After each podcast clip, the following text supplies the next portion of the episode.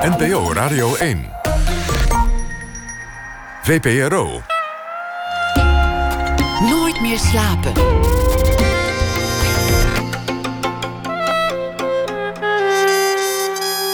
Met Pieter van der Wielen. Goedenacht en welkom bij Nooit meer slapen. Gerrit Kouwenaar, dichter, vijftiger en een van de mensen achter het programma Dode Dichters Almanak, werd in 2014 zelf een dode dichter en daarna leek het stil rond zijn persoon en zijn poëzie. Collega-dichter Anna Enquist vond dat daar iets aan moest veranderen en schreef een boek met herinneringen aan de dichter. Een tuin in de winter. Ze is de gast hier na één uur. Ook een ontmoeting met de Israëlische schrijver Edgar Keret eh, na ene. Die eh, was in Nederland vanwege een documentaire die over hem is gemaakt. Maar komend uur beginnen we met Hans Munsterman. Hij wilde een boek schrijven over een onbekende blueszanger, gebaseerd op een alledaagse ontmoeting in een stilstaande trein. De blueszanger vertelt over een andere ontmoeting in eveneens een stilstaande trein. Maar de wereld drong het boek binnen. Een medische misser, Geert Wilders, migranten en een kunstroof. Het komt allemaal terug in dit boek. Munsterman speelt graag, zoals altijd, met werkelijkheid en fictie. Hoofdpersonage is zijn alter ego Andreas Klein, die al in meerdere van zijn boeken is uh, opgekomen. En die vertelt over Munsterman in het hele oeuvre. Over de gebeurtenissen in zijn eigen leven. Over het huwelijk van zijn ouders. Over zijn omzwervingen en over zijn familie. Hans Munsterman werd geboren in 1947. Schreef eerder uh, al een heel oeuvre bij elkaar. Onder meer pogingen tot lichtvoetigheid. Je moet niet denken dat ik altijd blijf. Het gelukkige jaar 1940. En de bekoring waarvoor hij destijds de ACO Literatuurprijs won. Ook schreef hij meerdere boeken onder de naam Jan Tettero samen met Jacques Hendricks. Welkom, Hans Munsterman. Goedenavond. Laten we beginnen met het, uh, het, het begin van je leven. Eigenlijk het, uh, een datum die in, die, die in veel van je boeken terugkomt. 10 mei 1940. De dag dat de Duitsers ons land uh, binnenvielen. En toevalligerwijs ook de, de huwelijksdag van jouw ouders. Uit zo'n huwelijk kan al weinig goeds meer komen, schrijf je ergens zelfs. Ja, ik ben uh, heel lang aan dit feit voorbij gegaan. Het is helemaal niet goed op me doorgedrongen. Ik denk dat ik ja, over de 40 was in elk geval. Toen het tot me door begon te dringen dat als je ouders op die datum trouwen. En mijn vader was een Duitser en mijn moeder was een Nederlands meisje dat dat gewoon een mission disaster is. Eigenlijk voor uh, die twee mensen en voor alles wat, uh, wat ze aan kinderen op de wereld zetten. En dat is, dat is het ook uh, gebleken. Het is een ramp gebleken, dat huwelijk. Ja, ja. Niet, niet voor mij persoonlijk, omdat ik daardoor getraumatiseerd ben of zo. Integendeel, dat is helemaal niet zo. Maar Misschien is dat ook de reden waarom ik er zo lang aan voorbij eh, ben gegaan. Dat het niet goed in me doordrong. Dat, dat het met mij verder eigenlijk wel goed ging. Maar toen ik uh, het idee begon te krijgen dat ik zou moeten schrijven. Uh, en dat ik een eigen signatuur zou moeten hebben.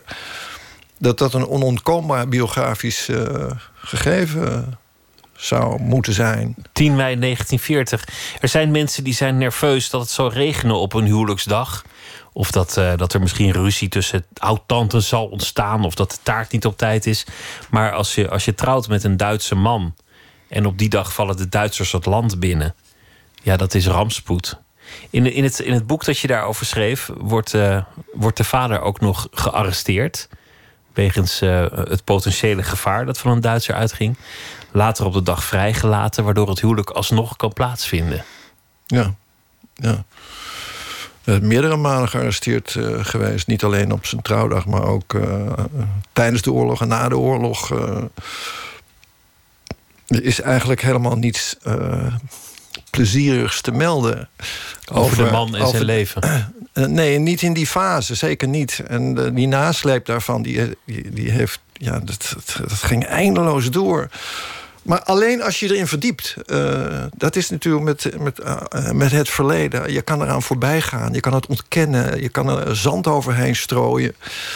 En dat is wat, misschien wat de meeste mensen ook doen.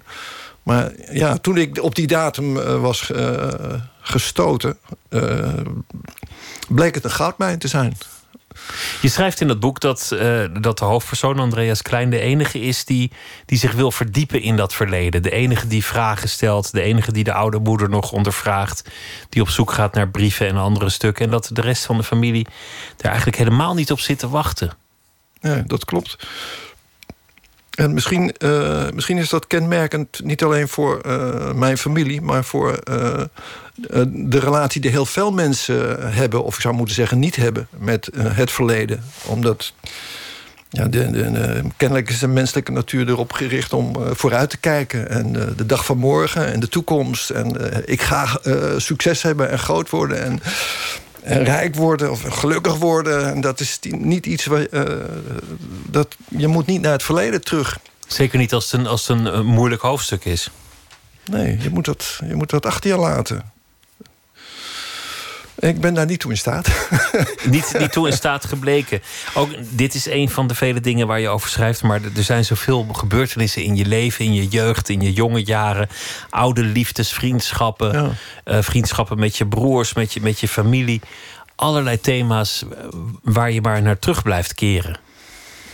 Ja, ja. Is dat nostalgie of iets, iets anders? Uh, ik denk dat ik een romanticus ben. Dat ik uh, een ontzettende hang heb naar... Uh, ja, de, de, in, in, een, in een soort kokon terug te trekken van... een ander verhaal dan wat je dagelijks meemaakt. Een andere, andere herrie die misschien meer op stilte lijkt. Een andere drummer hoor ik waarschijnlijk dan de meeste mensen om me heen. Je loopt mee in de fanfare, maar je hoort een andere trommel. Ja, want je kan natuurlijk niet uh, echt ont onttrekken aan uh, het dagelijkse uh, gebeuren. Maar ik vind het heel prettig om romanticus te zijn, overigens. en het, he het, heeft je ook veel gebracht. Je hebt een prachtig oeuvre. Dat had je niet gekregen als je een zeer zakelijke inborst had gehad. Nee. Althans, niet deze boeken in ieder geval. Werd je, werd je moeder, uh, werd het haar nagedragen dat ze was getrouwd met een Duitser? Werd ze erom gehaat? Is mij niets van bekend. Is mij Heeft ze nooit verteld? Nee, nee, maar sowieso mensen zijn over uh, de periode van de oorlog, wat er ook gebeurd is en aan welke kant ze ook stonden, zijn mensen over het algemeen uh, zwijgzaam. Ik kreeg toevallig laatst nog een uh, berichtje via Facebook van een, een, iemand uit Duitsland die misschien een boek van mij gelezen had. En die zei, die zei uh, dat hij hoopte dat ik niet in de foute veronderstelling zou verkeren dat mijn moeder uh, een moffensbruid was. Dus een, een, een moffenbruidje. Dus dat vond ik een hele rare uh, signaal of geluid uit, uit het oosten. Ineens, uit het verleden. Dat iemand dat tegen me zegt omdat ik daarover geschreven heb en omdat je dat vraagt. Uh, raar, hè? Dat is inderdaad raar dat iemand zich dat nu nog aantrekt. Hoe jij je moeder ja, dus moet, ik, moet ik, zien. Geen idee wat ik daarvan moet vinden. Maar ik heb het zelf ook nooit, nooit zo gezien, overigens. Helemaal niet. Nee. Je, je vader was iets ouder dan je moeder. Ja, veel ouder. Ja. Veel ouder. Eh, hij was, hij was uh, de baas, de, de directeur van, van het bedrijf. Althans, in het, in het boek was dat zo. Ik weet ook niet hoe, hoe nauw de werkelijkheid daarmee samenvalt. En ze werden gewoon verliefd. Ze verloofden zich in 1939. En toen kwam dat huwelijk. Die, die, uh, die vader die werd op een zeker ogenblik opgepakt een aantal keer, zoals je zei. En kwam uiteindelijk terecht in Duitsland, waar die te werk werd gesteld. Ja, en, en, ik heb geen idee uh, hoe dat precies gegaan is. Uh, het kan zijn dat hij uh, inderdaad in een soort van arbeidseinsatz betrokken is geweest. Dus dat het min of meer verplicht was. Het kan zijn dat hij daar zelf het idee had dat hij daar naartoe moest. Het kan ook zijn dat hij het, het, idee had dat hij daar naartoe moest... omdat het voor hem als Duitser in Nederland uh, niet harde uh, was. Wat ik me heel goed kan voorstellen. Maar het kan ook zijn dat hij door en door fouten... Uh, genaturaliseerde, tot Nederlander genaturaliseerde Duitser was. Ik weet het niet. Alles is mogelijk. Ja, ja. Hoe kwam die terug? Hoe heb jij je vader beleefd als kind? Wat zijn jouw herinneringen aan hem? Een ja, een geschonden man. Een, een, een, iemand die zeer teruggetrokken probeerde creatief te zijn. Hij, probeerde te schilderen en hij, was een, een ook. Hij maakte houten beeld, beeldhouwwerken. En die verkocht hij ook af en toe. En daar ging hij volledig in op. Daar was hij heel aandachtig en toegewijd mee bezig. Hele religieuze man ook. En waarom merkte je dat hij geschonden was? ja, dat had ik als kind misschien niet zo goed in de gaten. Maar dat, ik, ik denk dat ik dat uh, begon te beseffen of te vermoeden, moet ik misschien zeggen, want wat weet ik ervan. Uh, uh, toen ik me begon te verdiepen in, in hem als ja, een Duitser die naar Nederland was gekomen. En op, op het moment dat hij met een Nederlands meisje trouwt, het, het land waar hij mee trouwt, door, overhoop wordt gehaald door zijn eigen landgenoten. En eigenlijk dus ook door hemzelf. Dat hij zich daar misschien ook wel voor schaamde. Ik weet het niet. Het is toch ook raar? Het is, ja, het is een groot gegeven. Het, het, is, het is niet de, de dag van je leven waar je op gehoopt had. Natuurlijk. het is geen, geen goed huwelijk geworden, zei je al. Er dus weinig goeds uit voortgekomen. In een van je andere boeken beschrijf je de dag dat, dat je moeder tegen jou als, als, als jongetje zegt: flink zijn. Flink zijn. En er dan vandoor gaat. Het gezin achter zich laat. Ja, ja. Alsof op, de, alsof op dat moment, want je maakt nu een sprong. Uh, uh, mijn moeder uh, besloot van ja, nu wil ik echt van al die herinneringen en al die ballast bevrijd worden. Want die man herinnert me er steeds aan dat, dat hij een Duitser is en dat hij afkomstig is uit dat land wat ons overvallen heeft. En dat me eigenlijk mijn leven ook daardoor verpest heeft. Ik moet weg. En dat ze dat probeerde ook, ja verliefd op een ander, maar ze zou uiteindelijk terugkeren. Ja, ja. Wat, wat, heeft dat voor, voor invloed op jou gehad? Ben je flink geweest, bijvoorbeeld? Ja, ik denk het wel. ja, in, in het boek daarover... Uh, ik weet niet of ik me goed herinner hoe ik het heb opgeschreven. Het is al zeker tien jaar geleden. Uh, uh, dat, dat jongetje in dat boek tien of twaalf en zijn moeder gaat er vandoor. Die, die, die besluiten om, om, ja, als ze toch weg is en ze komt niet terug, om dan maar ook uh, voor zichzelf het idee af te schaffen dat hij een moeder heeft of dat hij een moeder nodig heeft. Dan maar zonder moeder. Misschien, is dat ook wel, misschien heeft dat wel voordelen als je geen moeder hebt. Want dat is, dan is het dus niet iemand die om, om zes uur uh, het raam opent en klapt en zegt: Je moet nu binnenkomen en stoppen met voetballen. Er zaten voordelen en je hoeft ook niet meer op, op tijd naar bed... want je vader is wat dat betreft veel, uh, uh, veel gemakkelijker. Het was een bevrijding misschien wel. Je dacht van, nou ja, oké, als jij er vandoor gaat... en ik moet flink zijn, dan, dan doe ik het zelf wel. Dan doe ik het op mijn manier voortaan. Ja, dat, ja, het is ook zoeken naar... is er iets positiefs aan als je moeder er, er vandoor gaat? En dat blijkt dan ook, ja, dat is er ook. Ja. En er zijn natuurlijk heel veel mensen die zonder moeder uh, door het leven gaan. Dus het, het, moet kunnen. Het moet kunnen. Is dat blijvend gebleken, die, die, die vrije mentaliteit? Is dat hoe je geleefd hebt? Uh, ik heb uh, niet het idee dat mijn ouders toen ze nog samen waren of daarna mij op, op welke manier dan ook ooit iets in de weg gelegd hebben. Dus. maar misschien heb je jezelf wel dingen in de weg gelegd. Dat je conformeerde aan een onzichtbare wet of een onzichtbare moeder of een. Of, of, heb je werkelijk vrij geleefd?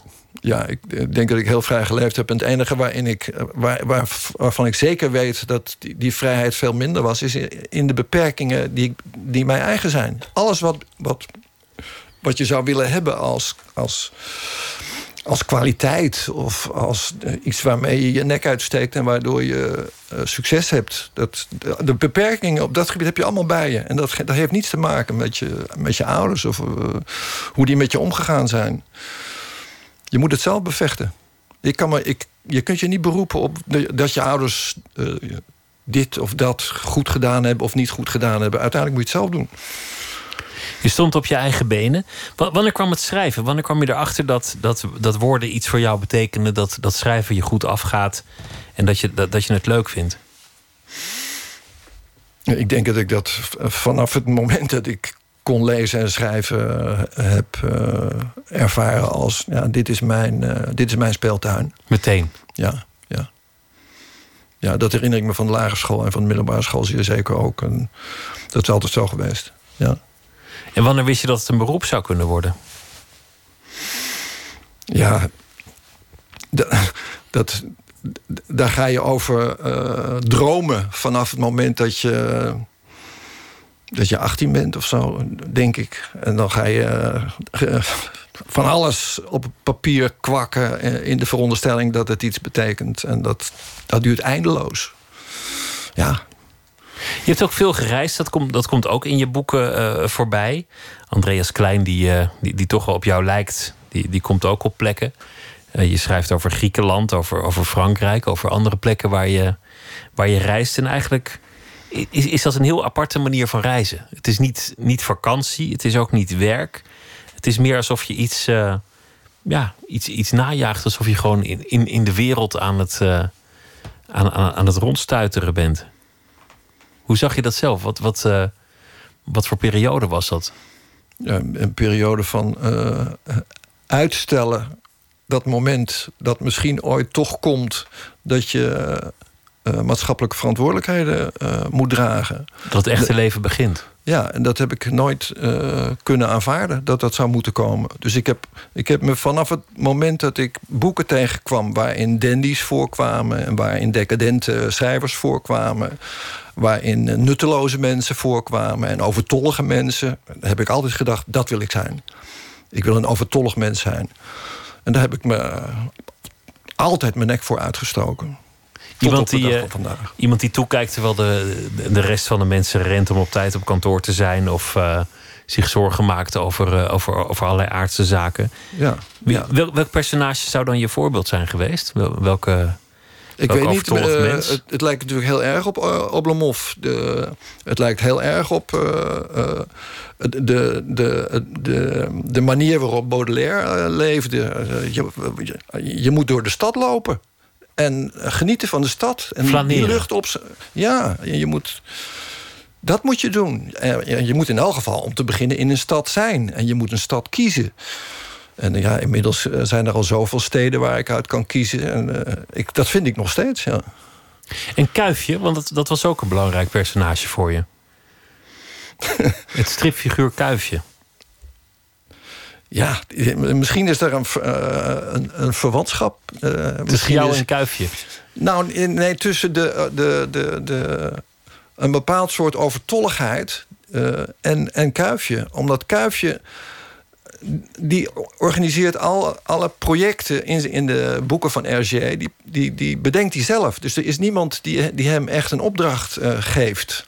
Althans, niet, uh, ja, niet een baas. Hij is heel erg autonoom. Hij is reporter, maar er is geen krant. Er wordt nooit genoemd wie hem nou weer erop uitstuurt. Of, nee, het is zeker niet de New York Times of de Volkskrant. Het is iets, uh, dat, is iets dat is geheimzinnig. Waardoor je denkt van nou, dat zijn zijn eigen projecten. En dat vind ik geweldig.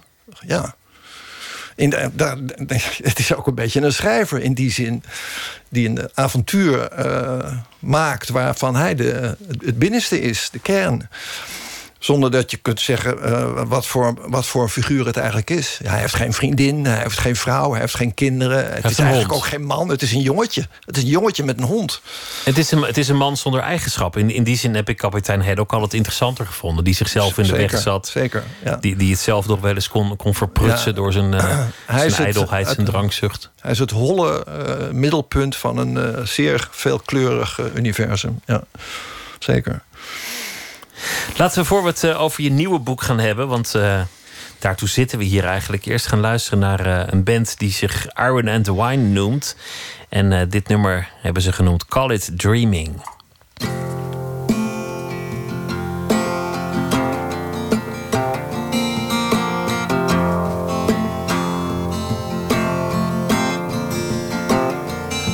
Say it's here where our pieces fall in place. Any rain softly kisses us on the face. Anywhere means we're running. We can sleep and see them coming. Where we drift and call it dreaming. We can weep and call it singing.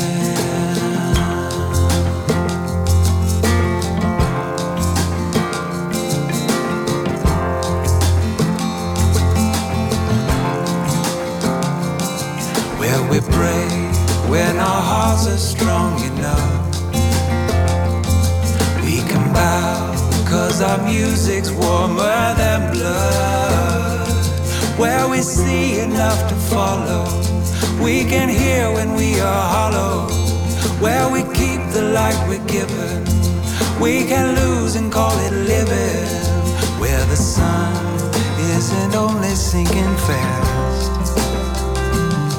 Every night knows how long it's supposed to last. Where the time of our lives is all we have, and we get a chance to say before we ease away for all the love you left behind. You can have mine.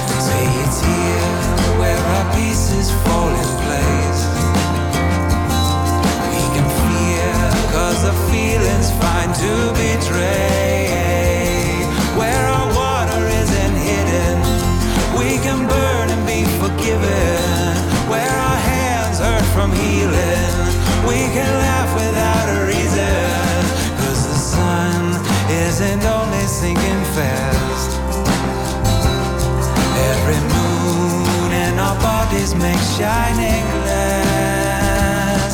Where the time of our lives is all we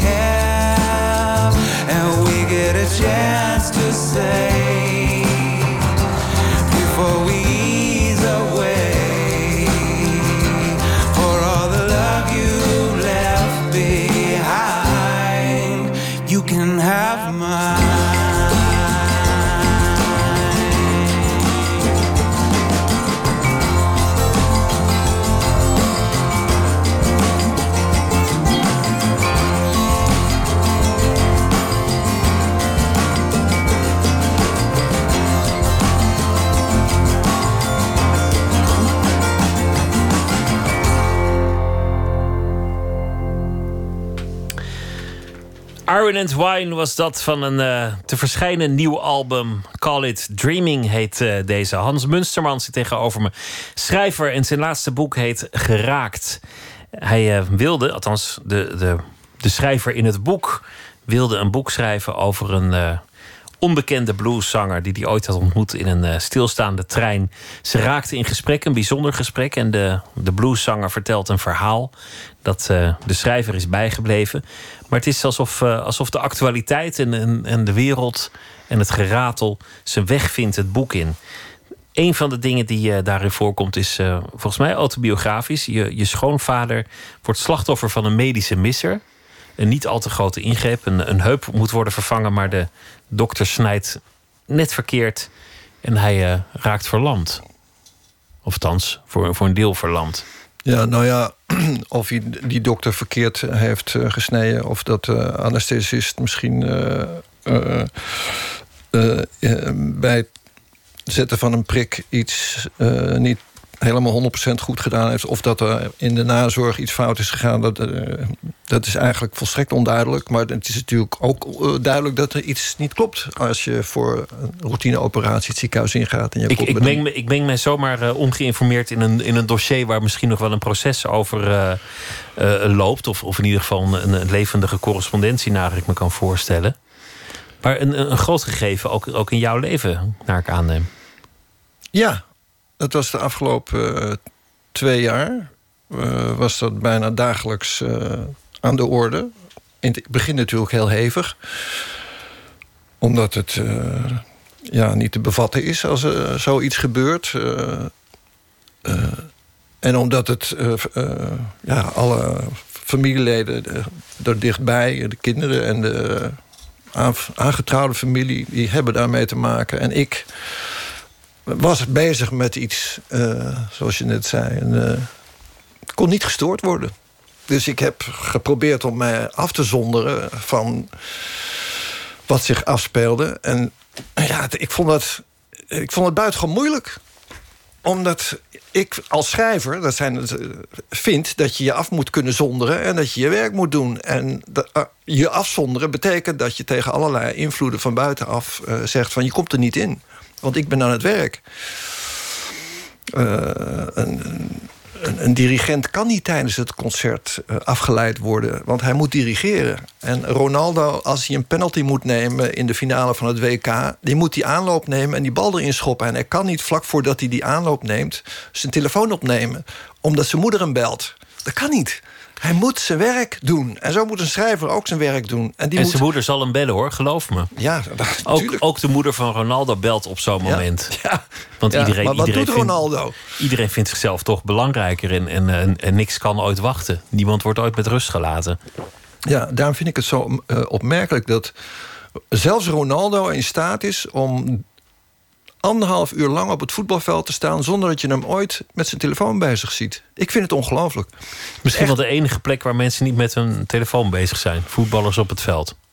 Ja, vind je het niet ongelooflijk, ongelooflijk dat, ze, dat ze daarin slagen? Dat zijn mannen van 20, 25 die dat blijkbaar toch kunnen. Het is een van de grootste raadsels in de moderne cultuur, uh, nou, wat mij betreft. Maar, nooit, over nagedacht. Maar, maar, nee, maar hoe gaat maar... dat? Want, want jij, staat, jij staat op, uh, op op een zeker tijdstip. En dan, dan zet je koffie of thee. Dat, dat thee. maakt thee. En dan, en dan ga je ergens zitten op een plek die daartoe bestemd is. In, in huis of buitenshuis? In huis, ja. In huis. En dan ga je, ga je typen. Heb je, heb je dan een vast getal aan, aan woorden of, of aan tijd? Ik hoorde net Anna Enquist zeggen... dat 500 woorden per dag. En verder moet je je niet aanstellen of zoiets. Zeer ja, terecht, uh, zei 500 woorden en, en bij, mij zei, bij mij is het denk ik iets minder. Maar ja, als je, als je iedere dag 300 woorden doet... en je doet dat gewoon 365 dagen per jaar... dan kom je een heel eind. Dan kom je aan 100.000 woorden per jaar, als ik het goed uitreken. Dat is heel mooi. Maar je, je, wilde iets kleins schrijven over een ontmoeting met een dichter... die een, een liefdesverhaal vertelt... van Ja. een liefde die eigenlijk nooit helemaal tot, tot bloei is gekomen. Maar intussen dringt de wereld zich op. Je, je, je, je schoonvader die, die wordt slachtoffer van een medische misser. Er is Geert Wilders, er is massa-immigratie... er zijn betogingen van, van, van Turken eh, in, op, op Nederlandse pleinen. Allerlei verhalen die, die komen binnen en die actualiteit... alles wat nu gaande is, dat, dat, dat vecht zijn weg dat boek in. Ja, en dat mag je niet toelaten als schrijver. Je moet zeggen van... Uh, in mijn studeerkamer of in de kamer waar ik schrijf... is de deur dicht en wordt aandachtig gewerkt... aan ja, dat, de novelle waar ik mee bezig was... Uh, over die blueszanger. De wereld moet maar wachten. Ja, ja, die, ja. Uh, en dat, ja, hoe, hoe langer je... Hoe langer ik me daar in, in mee bezig was met, met dat, het verdedigen van mijn, uh, van mijn heiligdom... hoe heviger er op de deur geklopt werd en getrapt werd. En wat denk jij wel? Is dat een kunstenaar die zich afkeert van dingen die, die echt gebeuren... die nu gebeuren? En ja, dat... Dan komt er een moment dat je bezwijkt.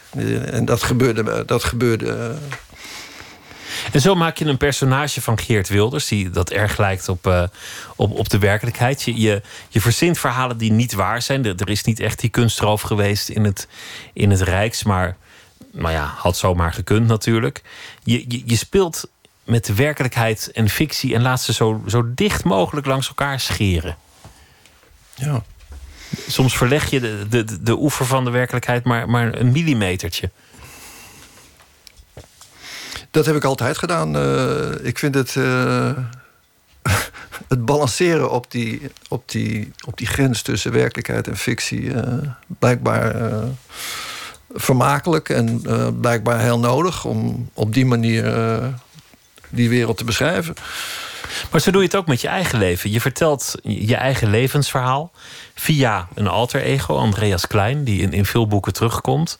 En ook daarin speel je met, met wat waar is, wat niet waar is, met wat je weet, wat je niet weet, hoe het gegaan had kunnen zijn.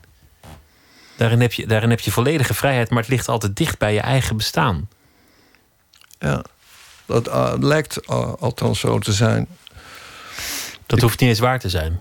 Nee, want het valt mij op dat, ook als ik een, een boek van een ander lees, dat als een, een schrijver ontzettend zijn best doet om uh, zijn eigen leven uh, minutieus in kaart te brengen en aan je voor te houden als een soort spiegel, dat hoe, hoe, meer, hoe meer hij daarin slaagt om alle feiten die hij over zijn leven kent ook op te schrijven, hoe mysterieuzer het wordt en hoe verder hij verdwijnt uit het zicht. Dat vind ik, dat vind ik juist zo leuk. Dat als je probeert authentiek te zijn, dan merk je dat het niet kan. Dat, dat de waarheid zich niet, niet laat vastleggen. Nee, dat is, dat is niet te doen. Dat is niet te doen. Het, het, het, het, is allemaal veel te complex. De mens is ook veel te uh, ingewikkeld en te ambivalent en polyambivalent om de. Uh, wat is polyambivalent? Nou ja, in zeer veel opzichten dubbelzinnig. Dat is wat ik bedoel. In zeer veel, niet in één opzicht, maar in zeer veel opzichten. En in zeer veel opzichten daarom ook onbetrouwbaar naar, naar buiten toe en naar zichzelf toe. En dat vind ik een, een geweldig uh, uh, gebied om, om, om in te zijn op het moment dat ik schrijf. Dus ik hou eigenlijk helemaal niet van pure fictie, maar van een schrijver die probeert om op die grens iets, iets wijzer te worden. Is het eigenlijk allemaal waar wat je, wat je, wat je net vertelde? Over, over je, je vader die, die, die trouwde met je moeder op 10 mei 1940. Dat kan helemaal niet. Dat kan helemaal niet. Want de, de, ik was er helemaal niet in die tijd. Dus ik, moet ik verdiep mij in mijn familie... zoals een historicus zich verdiept in de Franse revolutie. Hij is er niet bij geweest. Hij is aangewezen op getuigenissen, op... Uh, uh, vondsten, op uh, rapporten, op dossiers. En die, en die moet je allemaal samenvoegen tot iets waar, waarvan hij denkt dat het ongeveer klopt met wat, met wat de Franse Revolutie was. Maar er zijn duizend boeken, nou, meer. En dat is hetzelfde hier. Misschien, misschien was het ook wel helemaal niet zo. Misschien was het ook wel gewoon een, een verhaal.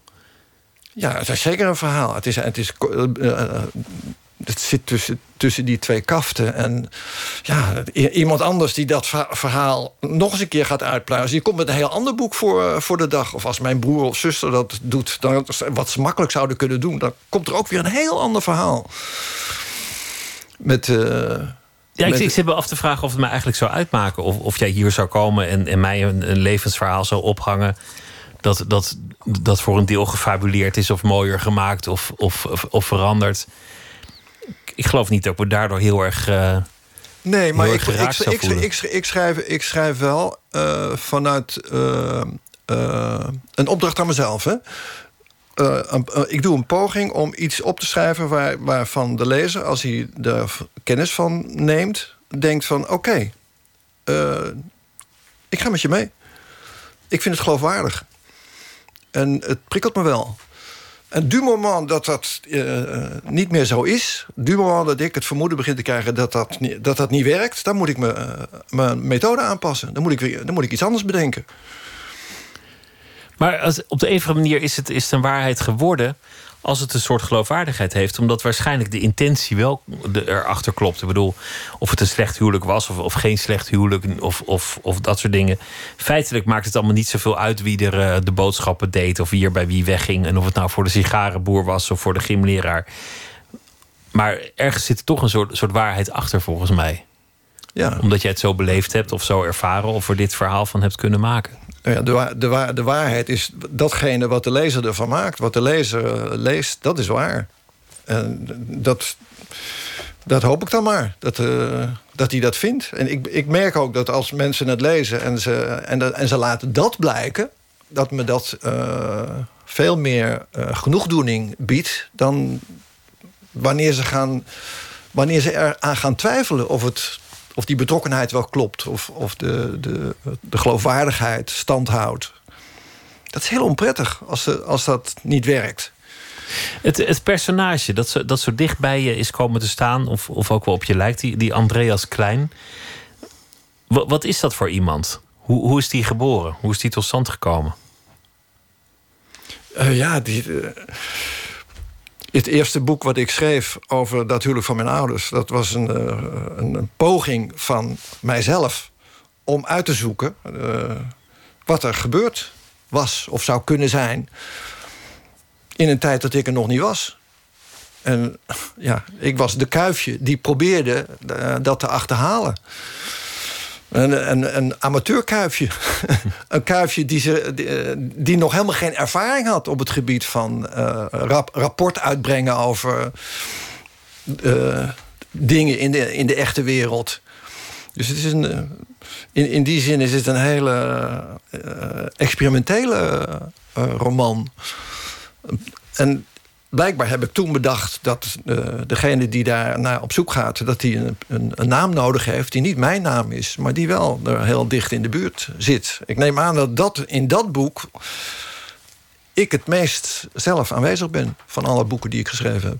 Nou, in het, uh, in boek waar je de ACO voor kreeg... Uh, over, over de moeder was je denk ik ook wel zelf aanwezig. Maar ja, dat, dat is wat ik denk. Ik bedoel, ik was er zeker niet bij... De, de vergelijking met Kuifje is wel aardig. Want, want Kuifje is een creatie van Hergé die alle albums terugkeert en, en het album draagt. En, en zo is het bij jou eigenlijk ook. Je hebt, je hebt een personage dat, dat in veel van jouw werk terugkeert. Niet, niet al het werk, maar toch wel, toch wel in de hoofdmoot. Ja, nou ja, blijkbaar is me dat uh, goed bevallen. En ik moet zeggen, ik vind uh, als ik zelf een boek lees of een boek zou moeten kiezen... Ik, ik, geef maar even een voorbeeld. Stel, ik moet kiezen tussen twee boeken van Ilja Leonard Pfeiffer... Ja? een van de grote schrijvers van de, Nederland op dit moment... dan kan ik bijvoorbeeld kiezen tussen La Superba en Brieven uit Genua... Dat zijn twee fantastische boeken. Die, misschien wel de beste boeken van Nederlandse literatuur van de afgelopen tien jaar.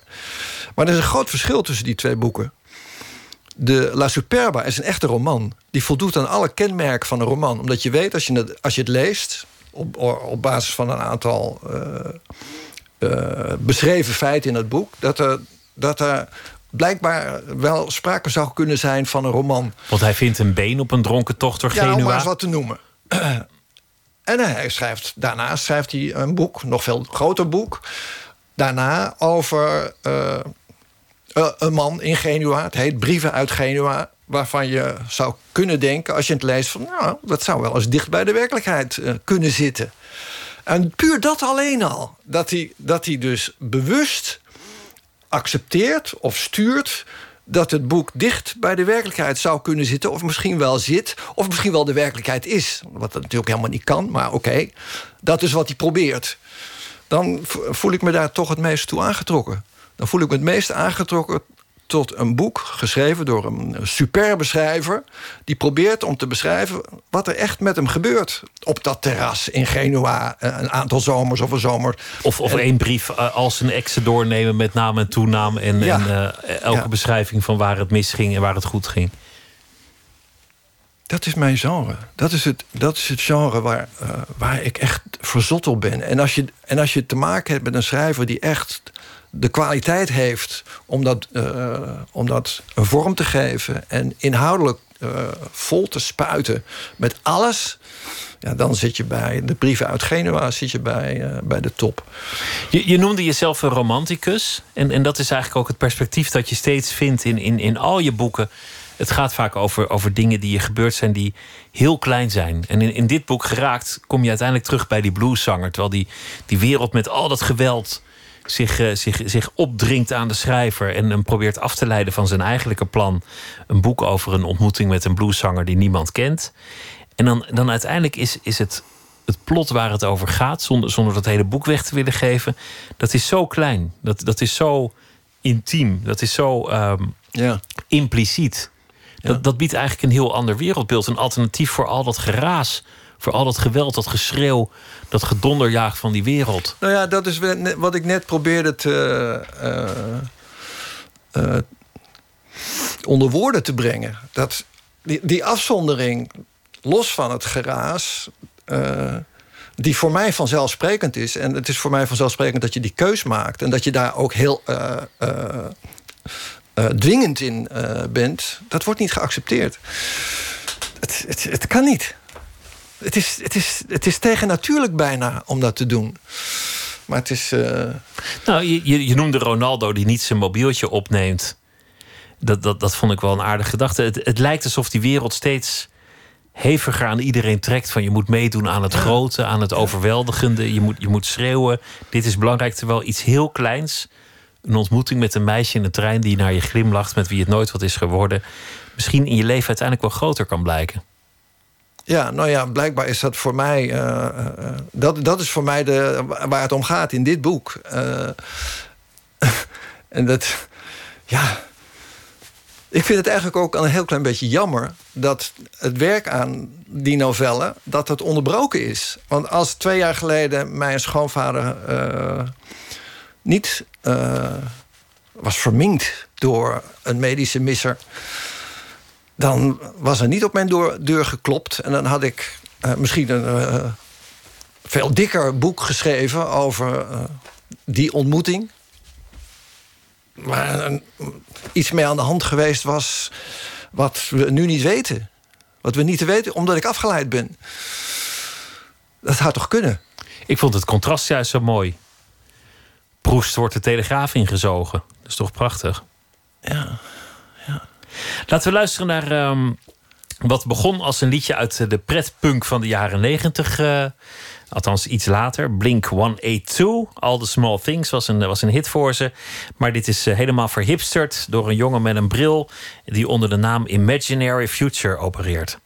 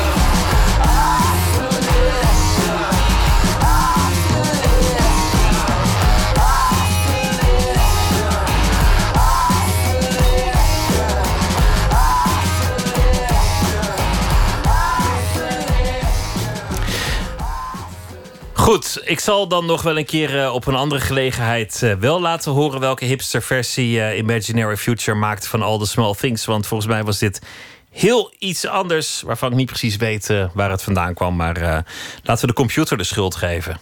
Een fout van de computer, vind je dat goed? Hans Musterman zit tegenover mij. Uh, het uh, boek heet uh, Geraakt. We hebben het gehad over, over jouw levensverhaal. Zoals je dat in verschillende boeken, over verschillende boeken uitgesmeerd hebt verteld.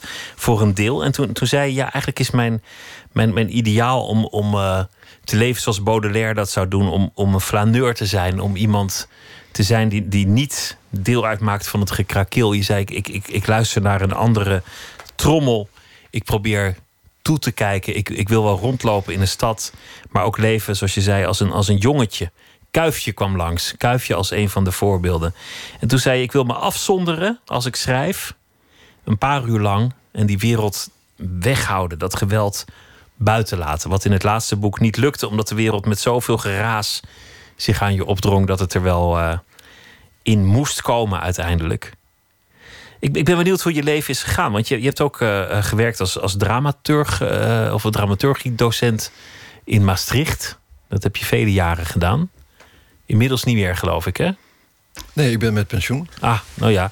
En je, je, je vrouw is actrice, dus, dus je, het is je niet helemaal gelukt om gevrijwaard van een, van een baan te, te blijven. Nee, dat is me zeker niet gelukt. ik heb, ik denk, 30 jaar op de toneelacademie gewerkt.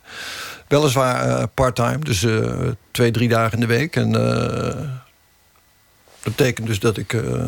ja, aan de ene kant was ik in Maastricht voor dat werk... en aan de andere kant was ik bezig te flaneren en schrijver te zijn, ja. heb, je, heb je het leuk gevonden, dat, dat werk? Of, of had je eigenlijk een verlangen om ergens anders te zijn? ik vond het eh, fascinerend. Ik vond het echt fascinerend. Uh, ik vond het fascinerend om te maken te hebben met uh, jonge mensen die proberen om een, een, idee te belichamen of ja, te belichamen met, met, zichzelf. Wat iets heel anders is dan wat een schrijver doet. Een schrijver doet het met zijn pen en hoopt maar dat mensen die lezen wat hij schrijft daardoor behekt worden. Maar het is natuurlijk nog veel, uh, ja, ik zou bijna zeggen, uh, uh, griezeliger als het een, levend mens is die voor je staat. Dus niet letters, maar een levend mens die probeert je op een geloofwaardige manier ergens van te overtuigen. Ja, dat vond ik buitengewoon fascinerend. Om daar, dus ik heb me daar geen moment verveeld. Nee.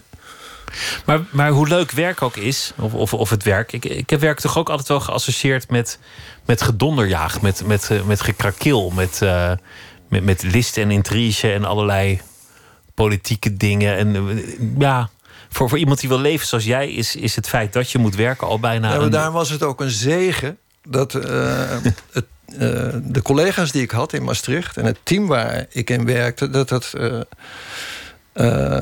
aan de ene kant heel erg dynamisch was en avontuurlijk, en aan de andere kant vo volledig harmonieus.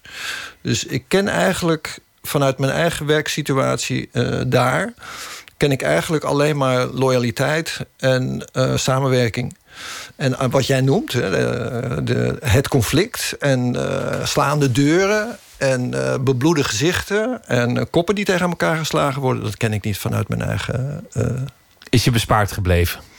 Nou ja, ik was een onderdeel van, uh, van de cultuur die erop gericht was om er met elkaar uit te komen. En dat, is, uh, dat was, een, was een zegen, vooral een zegen, omdat uh, omdat je voortdurend hoort over alle andere instituten, of het nou kunstinstituten zijn, of politieke instituten, of wetenschappelijke instituten, dat, dat het daar heel vaak wel gaat om bloede koppen. En dat, uh, ik heb dat niet zo ervaren. Ik, heb, ik, ik, vraag het om, om, om dat, dat, dat ideaal dat je voor je eigen leven weergeeft, ook, ook uh, bijna is een, een, een vraag om niet gecorrumpeerd te worden door de wereld bijna een vraag aan de wereld om jou er niet in mee te zuigen in al dat er gebeurt.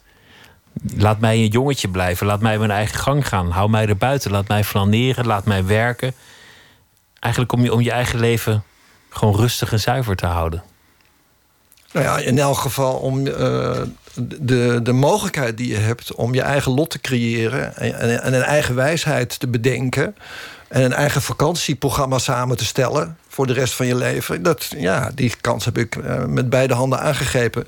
Maar dat kan je toch ook vormgeven in relatie tot mensen die je collega's zijn. Of eh, zoals je dat ook doet in relatie tot mensen die je vrienden zijn. Of eh, als je de krant leest. Dat je, ik, ik vind het ook dat je. Ik, ik lees ook graag de krant vanuit het idee dat die wereld die ik, die ik opzuig. Dat dat een wereld is die, die, die veel meer een mogelijkheid is tot een betere wereld, zal ik maar zeggen. Dan een, een soort afgrond waar je iedere dag aan staat en denkt van: oh god, die afgrond, daar heb je hem weer, die gapende afgrond met al die lijken en die bebloede koppen. Zo lees ik het nieuws helemaal niet. Ik lees het nieuws. Uh, ik zie mijn held uh, Angela Merkel zie ik voor me. En mijn nieuwe held uh, Macron. En ik denk van, Europa gaat de komende tien jaar een grote bloeitijd Oh, tegemoet. jij, bent, jij bent een hoopvolle krantenlezer. Die, die, die Oh. in, de, in de krant dan leest... oh, nou, misschien wordt het nog wel wat. Ja, natuurlijk. Hier, hier ben ik hoop. Uiteraard. Oh, interessant. Ik, ik lees, lees zelf de krant denk ik als een buitenstaander voor een deel ook. Dat, ik, dat ik het aankijk en toeschouw en denk... nou ja, het zal wel. Ja, maar dat is net iets te... eh, als het, het zal wel. Dan Dat kan je, het net goed niet, kan je net goed niet lezen. Want, want cynisch ben je, ben je zelf voor, voor, geen, voor geen millimeter. Nou, misschien ben ik wel sceptisch, maar ik ben vooral optimistisch. Eh, je kunt optimist zijn en tegelijkertijd je oren en je ogen heel goed eh, gebruiken. En, en ook een hele hoop nuchterheid in het geding brengen. Maar er moet een basis zijn, ja, en die is er dus bij mij van een soort romantiek. Zo van dat je de, uiteindelijk het, het hele plaatje zelf creëert. Als individu. En als het schrijven er dan op zit, als je je woorden bij elkaar hebt, want dat hou je geen 13 uur vol, dat, dat zou ook niet goed zijn, dan, dan is het buitenspelen. Dan ga je tennissen, dan ga je de wereld in. Is het dan ook het gevoel van, van, van een, een, een jongetje na schooltijd die, die de wereld intrekt? Nou, wat je, zoals je het nu zegt, zit je er inderdaad heel dichtbij. Ja? Met een soort vrolijkheid. Oei, we gaan. Ja, natuurlijk is het vrolijk. Ja, natuurlijk. Ja, en het is ook heel, eh, het is ook heel erg. eh, ook daar, wat mij betreft, als ik nou, door het tennissen zelf, daar sta ik nog wel eens te dromen. Dus dan eh, op het moment dat aan, aan de andere kant geserveerd wordt, dat ze voordat ze gaan serveren tegen mij moeten zeggen, meestal zijn we aan het dubbelen, Hans, Hans, ik ga serveren, sta niet te dromen. En dan word ik wakker en dan probeer ik die bal die eraan komt eh, terug te hengsten. Dus eh, op, op de baan is het ook voor- voortdurend een knokpartij tussen van... moet, ik hier nou eigenlijk wel zijn? Moet ik op die bal lopen? Of moet ik er toch gewoon een heel andere visie op ontwikkelen? En dat vind ik ontzettend lachwekkend en grappig. Eh, Wat, wat ik ook interessant vind, is dat, dat je op een zeker ogenblik eh, de ACO won. En, en dat was eigenlijk een, een, een kroon op iets dat al langer volgens mij aan het gebeuren was. Dat, dat je een publiek vond, of een publiek jou vond. Dat er erkenning kwam, dat mensen gingen zien dat, dat die boeken voor jou bijzonder waren. Dus je had natuurlijk ook, ook gewoon een leven lang kunnen, kunnen schrijven zonder, zonder al te veel lezers en zonder dat het was gelukt. Nou, ik weet niet of, het, of je dat zo kan zeggen. Dat zou ik zo niet zeggen. Als je, als je geen prijs wint, en, eh, een grote prijs, in de, dan betekent dat natuurlijk helemaal niet dat je dan minder. eh, Dan is je boek wel gelukt, maar, maar misschien dat, dat je dan toch niet echt. nou ja, dat moment, dat in- moment in heb, je dan, eh, heb je dan beleefd. En dat, dat is een, een, een, een, erkenning. En het is een, het is een genot ook. En het heeft allerlei aangename andere dingen die daar dan bij komen. Maar ik had eh, sowieso eh, voor die tijd het gevoel dat het schrijven heel goed bij me paste. En dat ik ach, aangezien als een boek van je wordt uitgegeven, is het natuurlijk een enorm voorrecht. Vergis je niet. Er zijn in Nederland misschien wel een half miljoen mensen die graag een boek zouden schrijven en uitgeven. Dat lukt ze over het algemeen helemaal niet. Al- En alle schrijvers die dat wel lukt, die kan ik alleen maar aanraden om daar heel blij mee te zijn. En verguld en eh, hard te werken aan het nieuwe boek, wat nog beter moet worden. Je hebt een, een, een tienerzoon. Leest hij inmiddels je, je, je, je boeken? Ehm, Ik ben daar niet helemaal zeker van. Maar het kan zijn dat hij de één of twee van mij uh, gelezen heeft. Maar dat, dat, heeft hij je nooit verteld? Uh, van één weet ik het zeker dat hij het uh, gelezen heeft. Ja. ja. Nou, misschien zijn het er ook wel twee. Misschien zijn het er ook wel twee. Maakt het uit? Nee, dat maakt mij niet zo heel veel uit. Ik, ik, ik, denk, een aantal jaren geleden zou ik het heel raar hebben gevonden... het idee dat je eigen kind of je eigen zoon je, je werk niet leest. Maar ik heb, uh, geloof ik, ik geloof uit de mond van Harry Moelis wel eens gehoord... dat, hij, dat zijn dochters zijn werk helemaal niet lazen. En hij vertelde dat alsof het, ja, dat is een vanzelfsprekende mogelijkheid. Er zijn autonome eh, meiden, die moeten dat zelf maar uitmaken. Eh, ze zijn helemaal niet verplicht om het werk van hun vader te lezen. Vond ik een, een beetje raar, maar inmiddels vind ik dat niet meer zo raar. Geloof ik. Nee, is ook niet zo raar. Komt nog wel een keer. Ja, dat komt wel. Dat is, dat is het precies. Dat, dat moment, eh, dat zal op een gegeven moment zijn. En,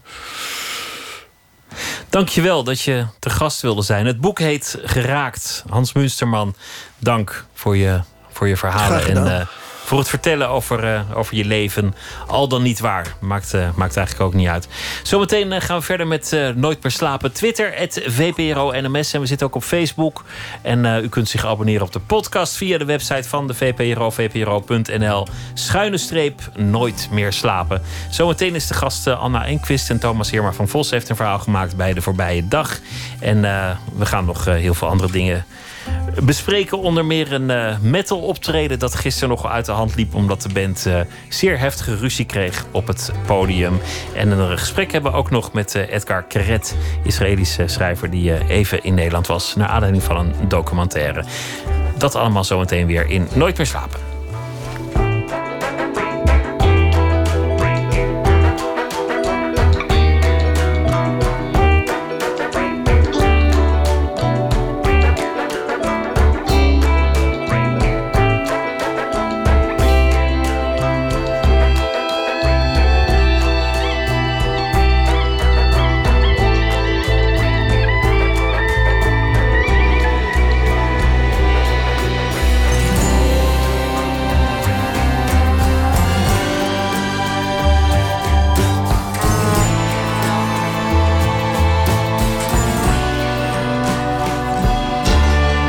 Radio 1. Het nieuws van alle kanten. 1 uur, Ewout de Jong met het NOS-journaal. Artsen die een berisping of boete krijgen... moeten niet meer in het openbaar aan de schandpaal worden genageld. Dat zegt de artsenorganisatie KNMG... die de politiek oproept om de berispingen en boetes niet meer openbaar te maken. Patiënten hebben er niets aan, zegt KNMG-voorzitter Heeman... omdat een tuchtmaatregel niets zegt over de totale kwaliteit van de arts. Ook brengt het naming en shaming de betrokken artsen onevenredig veel schade toe. Heeman vindt dat artsen die de kwaliteit van de zorg in gevaar brengen... wel degelijk moeten worden aangepakt. Een dode man die vrijdag bij Noordwijk in zee werd gevonden... is volgens de politie waarschijnlijk door een misdrijf om het leven gekomen.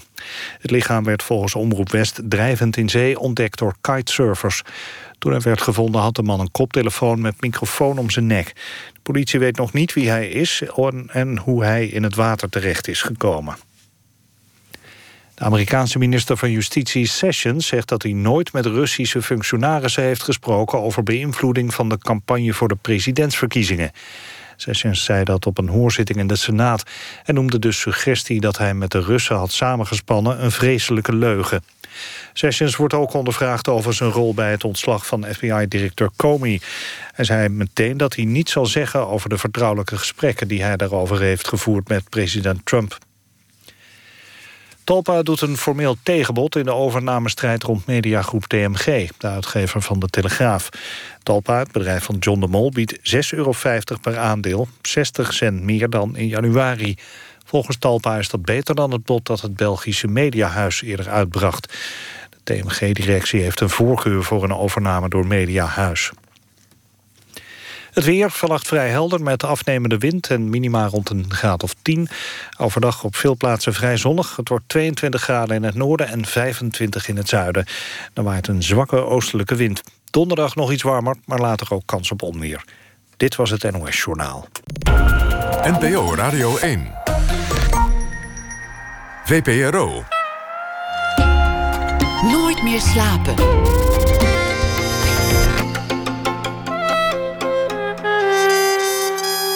Met Pieter van der Wielen.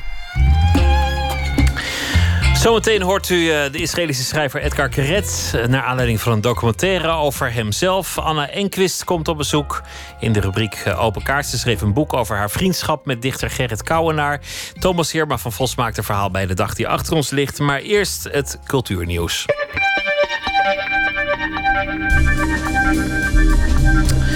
Een Amerikaanse bewerking van een eh, stuk van Shakespeare, Julius Caesar, is in opspraak geraakt omdat de hoofdpersoon te veel zou lijken op Donald Trump. Vorige week verschenen beelden van de voorstelling waarin te zien was hoe de Romeinse politicus wordt vermoord. Een bloedige scène waarin Caesar wordt uitgebeeld met blond haar. En u kunt het kapsel verder wel eh, raden. En een te lange rode stropdas. En de grote sponsors van de voorstelling, Delta Airlines en Bank of America, hebben daarop besloten zich terug te trekken.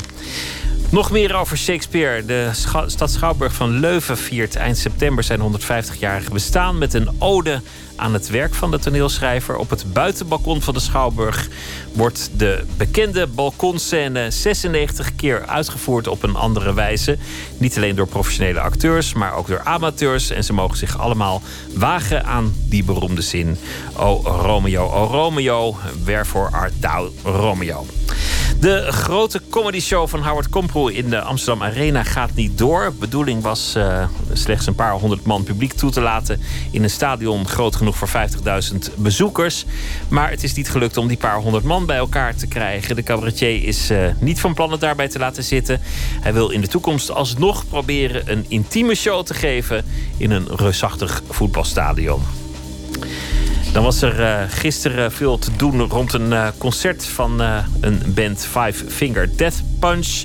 Death metal gaat het om in 013 in Tilburg. De show nou ja, werd rijkhalsend naar uitgekeken door de fans. Maar het werd een theatrale ruzie op het podium.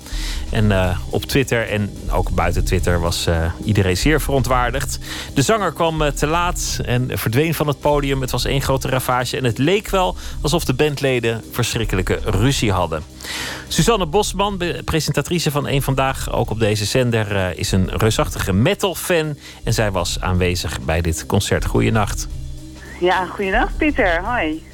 Nooit geweten dat jij zo'n uh, metal-fan was? Dat, uh, ja, dat... ja. Al een tijdje, ja. Zeker, ja. En uh, hier was je dan ook bij aanwezig bij dit toch memorabele optreden van Five Finger Death Punch. Wat, ja. wat was er nou precies aan... Night to remember, ja, zeg dat, ja. Wat was er aan de hand? Uh, nou, ik, um, ik heb ze al vaker gezien. Het was de derde keer dat ik naar een optreden van ze ging. En uh, ze komen ook graag in 013, begrijpen wij altijd. Het was de enige optreden van ze in Nederland. Dus ja, mensen uit heel Nederland waren er ook. Zaal was helemaal uitverkocht. En iedereen had er zin in. Want ja, die concerten van Five Finger Death Punch, dat is altijd, ja... Mensen hebben echt zin om te feesten. Ze hebben van die, van die heerlijke amazing hits. En, en je zag echt, de vibe was hartstikke goed. En uh, nou ja, het, het, optreden begon. En altijd een beetje rommelig hoor bij hun, moet ik wel zeggen. Maar het optreden begon en de band begon te spelen. En in één keer komt er een hele andere zanger op. Dus hadden zoiets van, wat is dit? Maar gelukkig na een tijdje kwam Ivan zelf uh, er toch ook bij. En denk je van, oké, nou gelukkig, alles uh, normaal. Maar ja, um, er werd een nummer gespeeld en er werd weer heel lang gestopt. En dat hebben ze trouwens wel vaak hoor. Dat ze heel lang stoppen tussen nummers. Dus dat ben je dan wel een beetje gewend. Nou, en dan kwam die andere zanger weer op. En nou ja, dan kwam hij weer op, die Ivan. En die begon hele verhalen van ja, er zijn allemaal geruchten dat ik wegga. Maar jullie willen toch ook dat ik blijf? En de hele zo, ja, ja, ja, natuurlijk willen ze dat je blijft.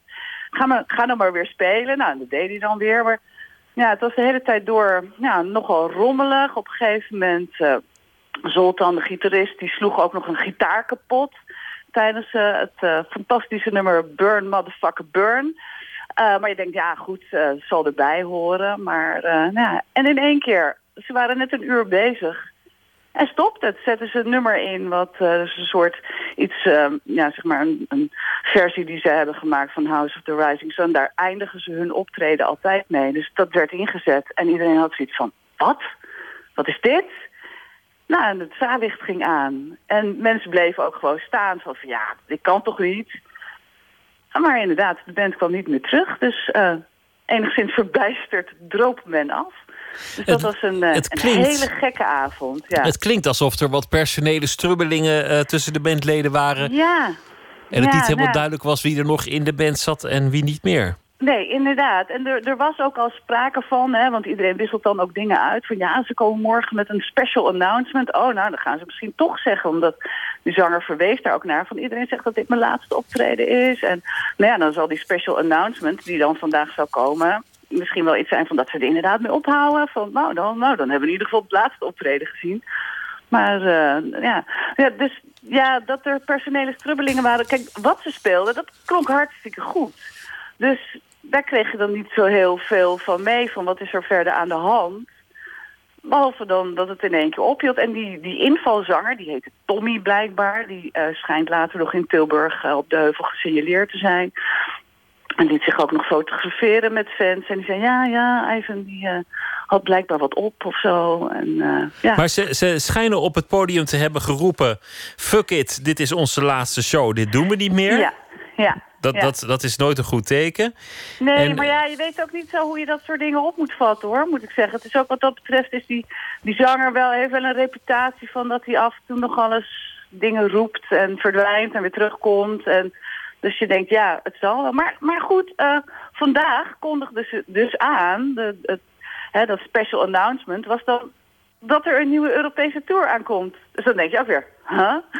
wat is dit nou? Ja, nou, Ja. Dat, dat belooft nog. En eh, Ja. er werd ook Ik weet niet of geroepen... ik er dan weer heen ga, hoor. Nee, en die andere zanger die schijnt ook weer geroepen hebben... er is fucking maar één zanger en dat ben ik. Ja.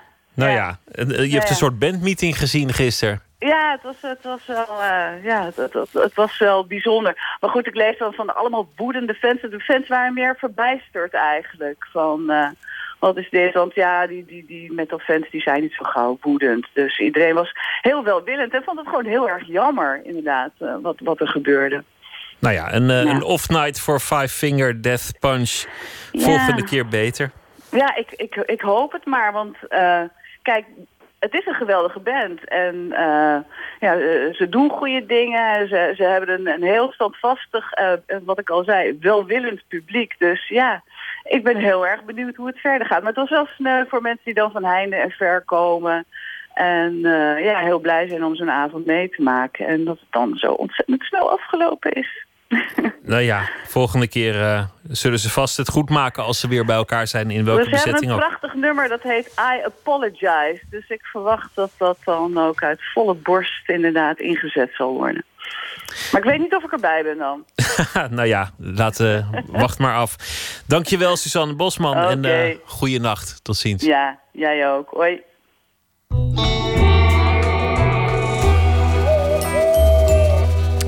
En hier zijn ze, de, de band Five Finger Death Punch... met een eh, extra lange versie van het nummer Burn Motherfucker Burn. Oh nee, wacht. Jullie hadden nog het goed uit het vorige uur... All the Small Things van Imaginary Future.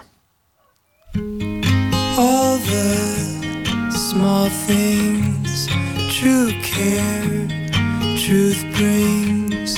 I'll take one lift. You're right best trip always i know you'll be at my show watching waiting commiserating. Say it ain't so, I will not go. Turn the lights off, carry me home. Na na na na na na na na na na na na na na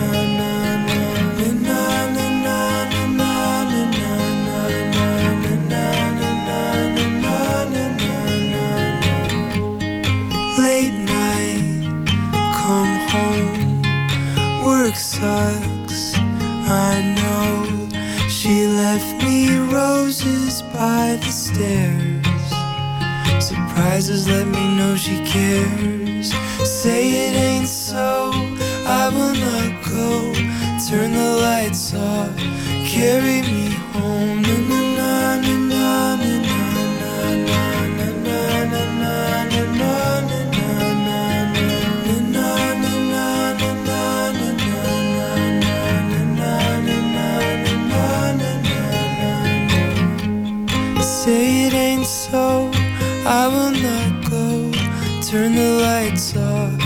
Carry me home. Keep your head still, I'll be your thrill. The night will go on, a little windmill. Say it ain't so, I will not go. Turn the lights off, carry me home. Keep your head still, I'll be your thrill. The night will go on, a little windmill.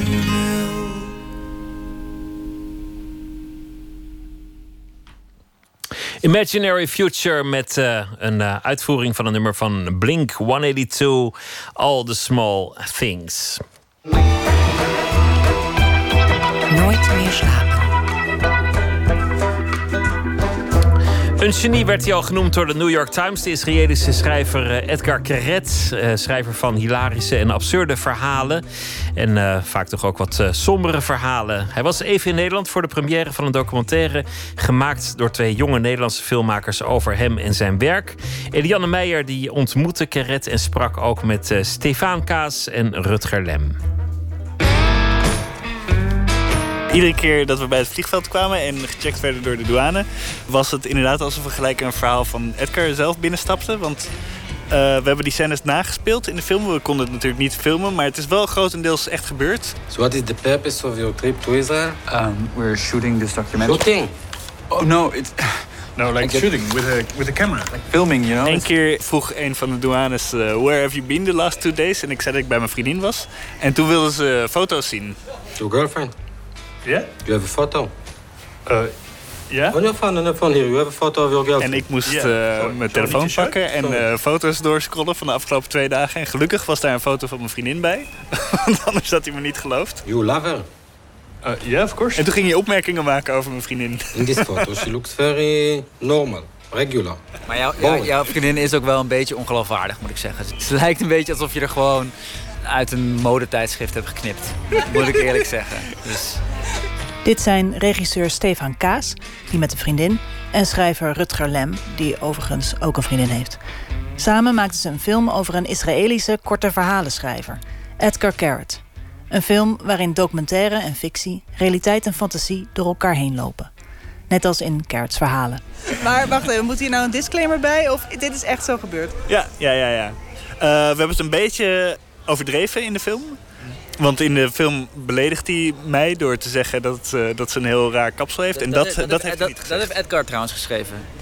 Die wilde per se dat, dat, dat over, het, uh, over het kapsel van de vriendin van Stefan erin kwam. Except for this weird haircut. What is this weird haircut? We moesten alle e-mails met Edgar laten, ja. laten lezen. Het filmplan heb ik er nog bij op moeten zoeken. Een uh, brief van Mediafonds heb ik uit de archieven van mijn inbox moeten opgraven. Ze stonden echt in een kringetje met vijf man om Stefaans telefoon heen. Omdat ze gewoon, ja, ze wisten echt overleggen. Zo van echt, ja. alsof ze in een soort, soort tentje hadden gevormd met Stefaans telefoon. Ja, en omdat ze hebben ze... manieren om het extra intimiderend uh, te maken. Dus je staat achter een kathedertje en uh, ze lachen nooit. Het is... Katheter. Het is, katheter? Katheter. Ik weet nooit. Ja, eentje is... Uh, eentje is Stefan en Rutger zijn al vrienden sinds hun middelbare schooltijd. Toen raakten ze al in de ban van de verhalen van Edgar Carrot. Bijvoorbeeld die ene waarin een meisje om middernacht verandert in een dikharig mannetje... met wie haar vriend al feestend de nachten doorhaalt. Of die andere waarin een engel geen engel blijkt, maar een leugenaar met vleugels. Of weer een andere waarin een pratende goudvis voorkomt. Ik weet niet waarom, maar ik kocht een uh, boek van hem toen ik uh, 17 was. Uh, en, uh, en dat was een boek met allemaal rare, bizarre, korte, surrealistische verhalen van een man in Israël die ik helemaal niet kende. Maar het sprak me wel heel erg aan. En ik herkende me dus mezelf er op de een of andere manier in. En, uh, en, en een van die korte verhalen heb ik uh, vol enthousiasme op het schoolplein aan Rutger verteld. En dat was volgens mij vet zo, het dikkertje. En daarmee heb ik het uh, virus aan hem overgebracht. En ik geloof dat Rutger zichzelf er ook heel, erg in herkende. Dezelfde soort humor, dezelfde soort hang naar ja, surrealisme. En ook dat jongens onder elkaar ding. Dat, dat je gewoon, weet je, dat, dat, dat soort, die soort van bromance die er ook heel erg in zit. Dat hadden wij in die tijd natuurlijk bij uitstek. Omdat je dan, nou ja, Stefan was 17, ik was 15. En uh, dat is ook wel grappig. Die verhalen zijn ook heel geschikt om, om door te vertellen. Want wij waren altijd al elkaar aan het lachen aan maken met absurdisme. Wat ook een beetje een soort tienerding is. En, uh, En dit paste daar helemaal bij. Ik weet toen hij me alleen al de samenvatting gaf van die verhalen... ik had ze niet eens zelf gelezen toen... was ik al helemaal overdonderd erdoor. Eh, jullie hadden Edgar Garrett natuurlijk helemaal niet, niet ontmoet voor deze documentaire. Ehm, dus eh, was hij zelf nou anders dan eh, jullie dachten dat hij was eh, nadat jullie zijn verhalen hadden gelezen? Ja, we hadden hem wel al heel veel op YouTube bekeken, dus we hadden wel een soort beeld van hem. Maar het verbaasde me wel echt hoeveel die praat. Ik ken mensen die veel praten, maar hij is een machine. Hij stopt niet. Edgar Carrot, based on a true story, gaat over Edgar Carrot, maar vooral ook over waarom we verhalen vertellen, wat waarheid is en waarom we liegen. Carrots beste vrienden beamen volmondig dat Edgar een leugenaar is. You consider Edgar a liar? Ja, liar. maar een liefdevolle leugenaar. Ook, of misschien wel juist, in anekdotes over het echte leven. You know, he'll talk about something his his son did that his son just didn't do. he just didn't do it. How is that? If you, if someone just tells you, yes, you're a liar. Well, I think that uh, many times I can say to people, "Oh, I lie a lot," you know. But I think that in my personal experience, I don't experience myself as a liar. Als ik Edgar Carrot zelf spreek, als hij voor de première in Amsterdam is, ontmoet ik inderdaad een praatgrage, maar ook wat verlegen man met zwartgrijze krulletjes. Because I think that there is something about the word lie that uh, we need more than one word. I think that many times you can say something that is not factually true because your commitment is, let's say, to the emotion you felt. Ja, hij liegt vaak, maar Carrot voelt zich geen leugenaar. Hij haalt metaforen en feiten door elkaar, maar dat doet hij met reden. Stel je wordt achterna gezeten door een hond en je bent zo bang dat je er in je verhaal achteraf drie honden van maakt. Dan lieg je niet voor eigen gewin, maar om de emotie van de situatie over te brengen. I think that the only reason I'm doing it is because I want people to understand better the energies or the vibes in a certain situation. Ze zeggen dat Eskimo's 30 verschillende woorden voor sneeuw hebben. Mensen liegen genoeg om meer dan één woord voor leugen te hebben, zegt Garrett. Zijn broer zegt op een gegeven moment van... Uh, je hebt zoveel akelige leugenaars. Uh, Trump is nu uh, koning-leugenaar. waarom zou je niet daar tegenover iemand zetten die, die positieve leugens vertelt? En wat dat betreft zou Edgar misschien wel de, het antwoord op alle ellende in de wereld kunnen zijn. He's the kind of liar who tries to lie in order to make you understand the truth better, as, as opposed to evil liars who want you to understand the truth less. Goede leugens, die je de waarheid beter laten begrijpen... in plaats van kwaadaardige leugens die je willen verwarren. Wat Edgar Carrot, even terzijde, over president Trump zegt... is overigens niet dat hij liegt, maar dat hij lijkt te denken... dat hoe lekker een toetje was of wat de kleur van je stropdas is...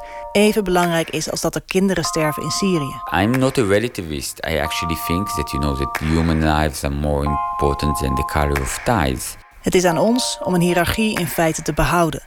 en niet in de postmoderne valkuil te lopen dat alles even waar en onwaar is. So I really feel that uh, all this idea of alternative facts and uh, fake news is basically counting on the fact that the people who uh, are exposed to facts are too lazy uh, to take all those facts and create some kind of structure and hierarchy in them.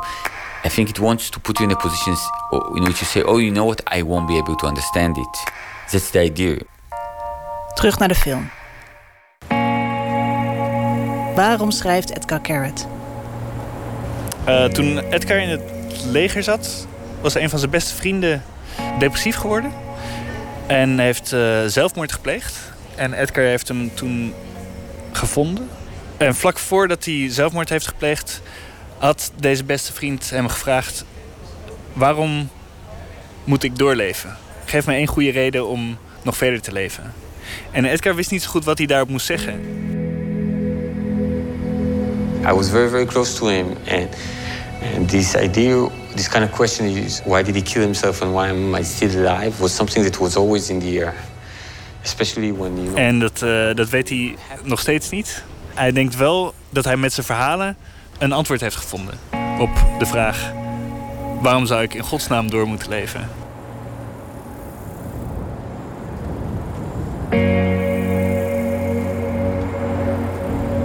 He is really like an he seems to be always engaged in this kind of battle with um, senselessness.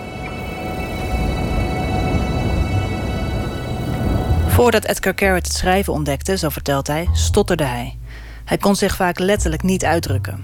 Zoals zijn vriend Jonathan Safran Foer in de film zegt: Hij schrijft om de dingen om hem heen te ordenen, om het vervolgens te kunnen delen. In het chaotische deel van de wereld waarin hij woont, waarin alles uitvergroot is, is dat een broodnodig talent. More than anything, it kind of legitimizes my emotions. You know, I think that writing kind of made me understand that the way I perceive the word, what I feel about the word, is actually okay. Schrijven, vertelt Carrot, komt bij hem voort uit een gevoel een uitzondering te zijn.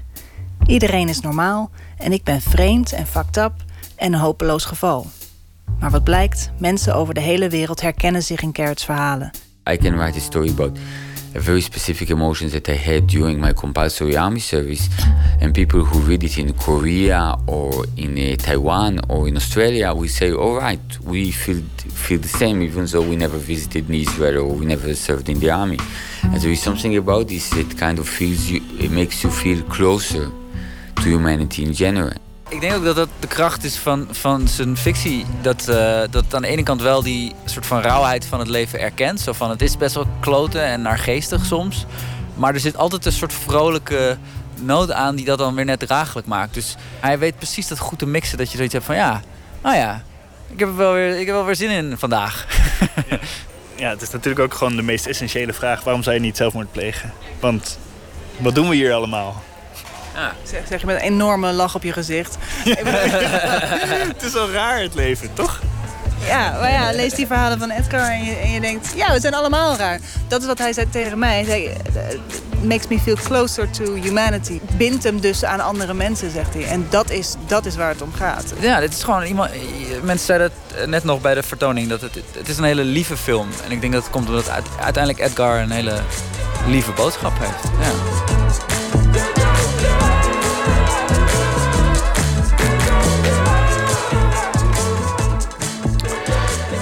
Rutger Lem Stefan Kaas en uh, Edgar Carret zelf over uh, de film Based on a True Story. Donderdagavond te zien bij het Uur van de Wolf uh, van de NTR op NPO 2. De Isley Brothers gaan een nieuw album uitbrengen. Samen met Carlos Santana hebben ze vorige week aangekondigd. En dit is uit 1973. You Walk Your Way.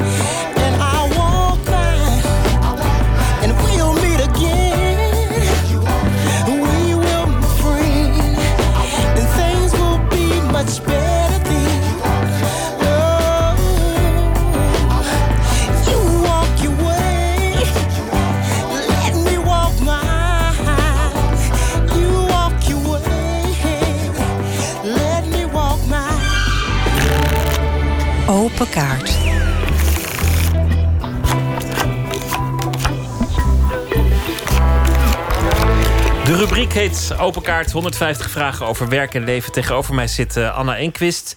Zij is eh, schrijver en dichter en eh, studeerde ook piano en psychologie. Ze heeft een boek geschreven in de reeks Privédomein, Een tuin in de winter. Herinneringen aan dichter Gerrit Kouwenaar, die in 2014 overleed op 91-jarige leeftijd. Het is een verslag van een vriendschap tussen de twee. Anna Enquist, hartelijk welkom. Dank je. Ik las ergens dat, dat, dat je ineens bijna de vrees had dat, dat hij misschien wel vergeten zou worden. Dat, dat hij ineens was verdwenen uit het eh, bewustzijn. Ja, dat kwam natuurlijk ook wel omdat... eh, ja, ik, eh, zeker tegen het eind van zijn leven enorm veel contact met hem had. En eh, al die turbulentie van dat ziekbed en die dood en die begrafenis... dat is dan op een gegeven moment klaar. En vervolgens gebeurt er helemaal niets meer. Hè, er zijn een paar stukken in de krant over zijn eh, werk... en het belang wat hij voor de poëzie heeft gehad. En daarna werd het stil.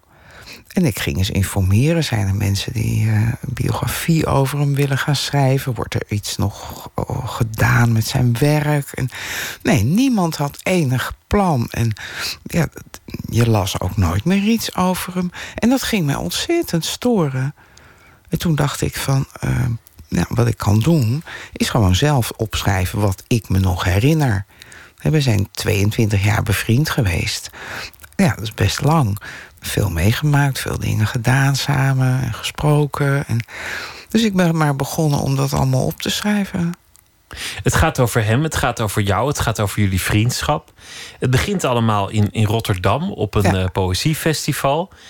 Dat was eigenlijk nog gewoon werk. Zoals je dat heel vaak meemaakt. Twee, twee dichters die moeten optreden en elkaar Ja. spreken. Ja, ja, ik kwam natuurlijk helemaal nieuw. Ik was net eh, gedebuteerd. En eh, ja, dan ontmoet je allemaal mensen. En dan, eh, ik was al, op leeftijd. Ik was echt al 45 of, of misschien nog wel ouder. Eh, dus ja, ik keek zo'n beetje van, nou, die is aardig en die, dat vind ik niks. En zo, weet je wel, zoals je dat dan... Ja, het kwam er allemaal gratis bij. Het was een soort nieuw leven wat erbij kwam. En waar je helemaal vrij was om te kiezen van wat je leuk vond. En wat je niet leuk vond, liet je gewoon liggen. Maar met hem had ik dus meteen echt een heel aardig contact. En dat is gewoon gebleven. Het werd een, een, een heel hechte vriendschap, die ook tamelijk internationaal werd. Jullie, jullie zagen elkaar in Frankrijk, waar hij veel eh, verbleef. Jullie eh, gingen naar, naar poëziefestivals elders. Jullie, jullie reisden nog wel eens Ja. samen. Ja. Ondanks een zeker leeftijdsverschil tussen jullie. Dat jullie ook wel deel uitmaakten van een andere generatie. Je, je schetst hem ook wel als, als een man die, die, die eigenlijk vrij gericht was op, op zijn eigen leven, zijn eigen bestaan. Ja. Die, die niet heel erg hard werkte om, om die vriendschap te onderhouden. Nou, ja, nee, hij, hij was niet erg sociaal, Gerrit. In de zin van dat hij zelf eh, initiatief nam.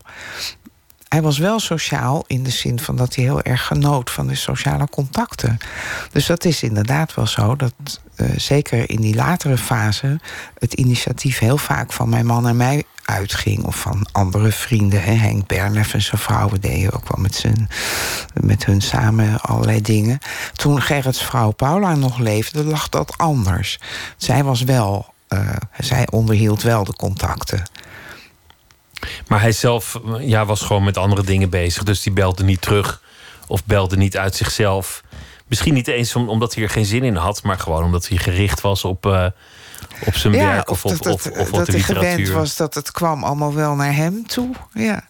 Maar hij was inderdaad echt eh, een echte dichter... in de zin van dat hij zich ook altijd zo voelde... en altijd met dat werk op een of andere manier bezig was. Ja. Wat was de, de, de basis van jullie vriendschap? Waar gingen jullie gesprekken bijvoorbeeld over? Ja, vaak hele knullige dingen. Echt een getuttel in het huishouden. En eh, dus, ja, dat, eh, komt uit het boek ook wel naar voren. Dat, je kan zeggen dat werk van Gerrit... dat was natuurlijk enorm hoogstaand en heel hoog aangeschreven poëzie. Maar dat leven, ja, dat was ook een gewoon leven. Hè, dat hij kwaaltjes had. Of uh, dat hij zich afvroeg hoe je die eendenbouter moest braden. Of, uh, nou ja, hele gewone, gewone dingen. We hadden ook altijd erg veel plezier. Roddelarijen natuurlijk over collega's... of over rare mensen die je op straat zag. En, en veel gestuntel met de moderne tijd die binnensluipt. Heel de, veel, ja. De technische ja. mogelijkheden die zich aandienen rond, ja. rond die jaren... Waar, waar hij zichzelf waarschijnlijk nooit zou zijn ingestapt. Nee, nee. Nee, zoals dat ik dat antwoordapparaat voor hem ingesteld heb toen. Ja, dat was ook, was ook werkelijk verschrikkelijk. Ja. En later de mobiele telefoon die kwam en, en, en dat ja, soort dat dingen. deed hij allemaal niet. Nee, nee, nee, nee, nee, nee. Het is een, het is een heel, heel een mooie vriendschap. En vooral dat ene punt vind ik interessant. Want je, jij hebt vrienden die heel erg over, over de literatuur gaan. Of, of uh, met een interesse in voetbal. Maar met hem was de interesse, hoewel je zou zeggen de literatuur, maar eigenlijk veel, veel basaler. Het, het was Ja. gewoon het samen zijn en, en het Ja. Ondergaan Nou, dat- van wat er, wat er ja, bezig dat, was. Dat zeg je volgens mij heel goed. Ja, dat die vriendschap eigenlijk de, de, de basis was. En daarbovenop spraken we natuurlijk echt wel vaak over het vak hoor. En eh, of hij informeerde altijd of ik wel aan het schrijven was. En hij vertelde over zijn eigen dingen. En we hadden het ook wel zeker in het begin, die avonden in Frankrijk. Als we dan eenmaal wat gedronken hadden, hadden we het ook echt wel over hoe we dat nou deden. Zo'n gedicht maken. En, eh, dus die kant was er ook wel. Maar je hebt gelijk als je zegt, ja, de basis was toch eigenlijk gewoon die vriendschap. Ja. Als dichter, dat heeft, heeft mij eigenlijk verbaasd. Dat, eh, hij wordt gerekend tot, tot de vijftigers. En wo- wordt ook geroemd om, om zijn hele jonge gedichten al. Maar het, het werk dat ik van hem, van hem kende toen hij stierf... dat was allemaal veel later, Ja. gek genoeg. Ja. En volgens mij zijn al zijn echt bekende gedichten... die, die, die soort van hier en daar nog opduiken... of, of worden afgedrukt of aangehaald... die zijn allemaal niet uit die, uit die hele vroege jaren. Nee, maar hij is echt eh, eh, aan het eind van zijn productieve periode is hij veel toegankelijker gaan schrijven. En dat had denk ik te maken met eh, de ziekte en de dood van zijn vrouw. En hij is daar toch over gaan schrijven. En dat werden ineens veel herkenbare herkenbaarder gedichten. Hij schreef vroeger altijd eh, met eh, eh, men in, in zijn gedichten. Men doet dit, men, zus en zo. Maar dat werd ineens ik en jij in die gedichten. Dus dan spreekt het ook de lezer veel meer aan. En het was ook veel duidelijker thuis te brengen... waar zo'n gedicht dan eigenlijk over ging. Ga je nog iets doen met zijn, met, met zijn poëzie, met zijn werk? Nou, dat zal ik je vertellen. Toen ik eh, eh, het manuscript had ingeleverd voor dit boek... eh, toen vroeg Gerrits uitgever mij of ik een bloemlezing uit zijn werk wilde maken. En daar ook een grote inleiding bij wilde schrijven. En ik dacht eerst natuurlijk van... nou ja, ik ben geen literatuurwetenschapper... en ik heb daar eigenlijk niet zo verstand van. Maar toen dacht ik, ja, het gaat mij er toch om... dat Gerrit weer in de aandacht komt... en dat mensen zich weer eens in dat werk gaan verdiepen. Dus als mij dat nou gevraagd wordt, dan moet ik gewoon ja zeggen. Dus dat heb ik ook gedaan. En toen heb ik al die gedichten van hem... zoiets van 750 gedichten heeft hij in zijn leven gepubliceerd. Dat heb ik allemaal doorgeploegd. En ik heb er 100 uitgekozen. Eh, en dat een beetje in hoofdstukjes verdeeld. Een stuk of zeven afdelingen met gedichten over hetzelfde onderwerp. En ik heb er een, eh, een grote inleiding bij geschreven. eh, vanuit het gezichtspunt zeg maar, van een eh, geïnteresseerde en betrokken lezer. Dus het is geen wetenschappelijk werk, maar nou ja, wat, zoals ik die gedichten begrijp. En wat Gerrit volgens mij eigenlijk wilde met zijn poëzie. En dat, eh, dat zal ook verschijnen deze, dat is, deze dagen. ja, dat verschijnt tegelijkertijd met, met dit boek. Laten we beginnen met de vragen. Hier is de bak. Oh, ja. En ik wil je vragen om zo'n kaart te trekken en de vraag eh, voor te lezen. Oké, nou zeg.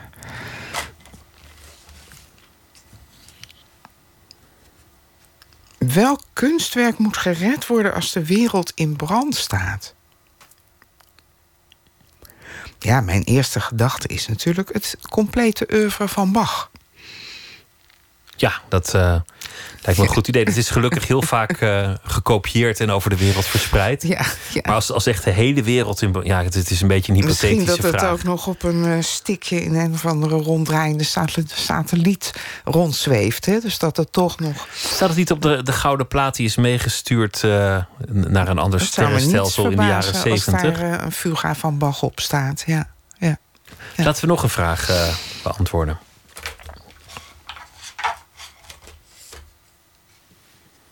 Heb je wel eens gevochten?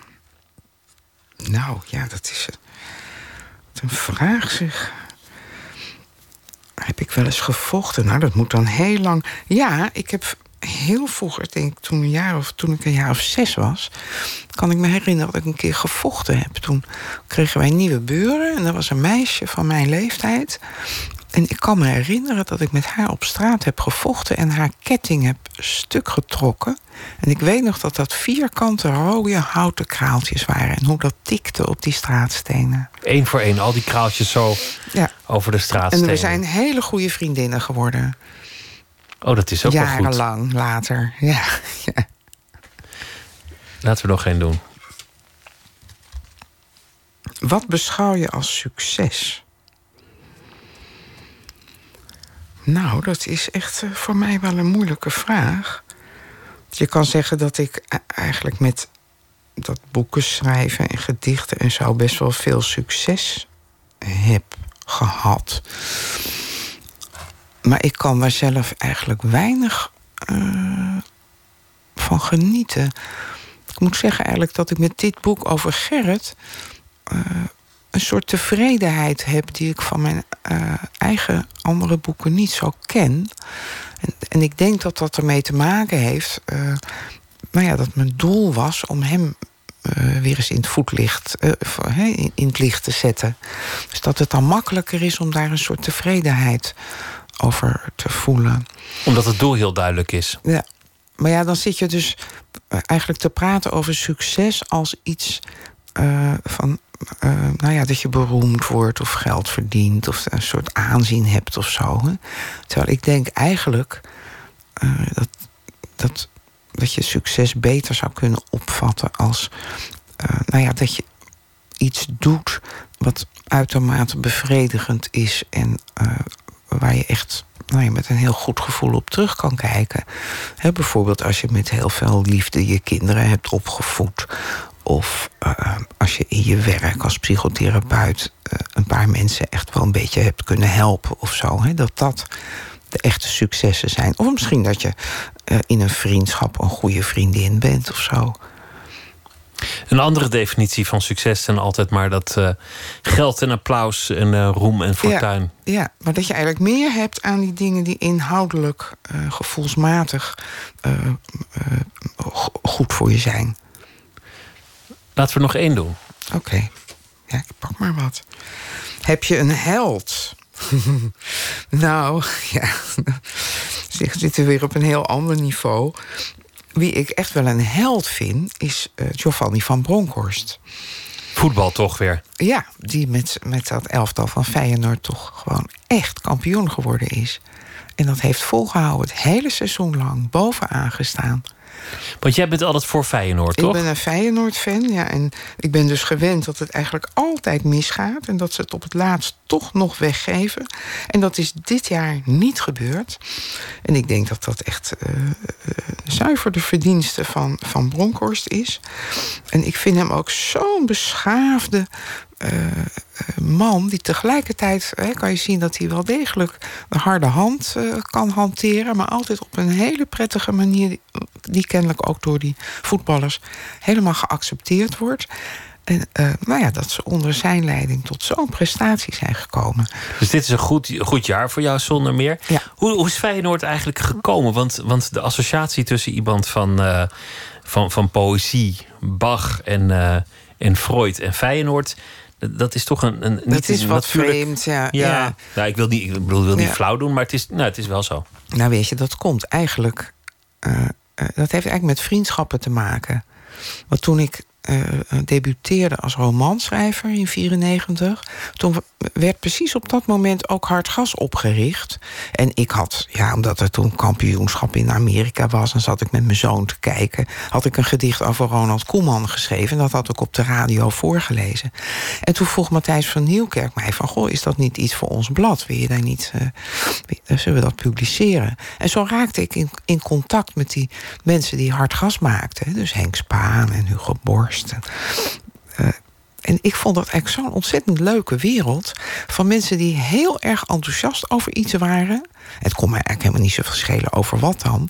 Maar dat enthousiasme wat ze met elkaar deelden... en dat ze dan zo goed mogelijk daarover wilden schrijven. Ieder op zijn eigen manier.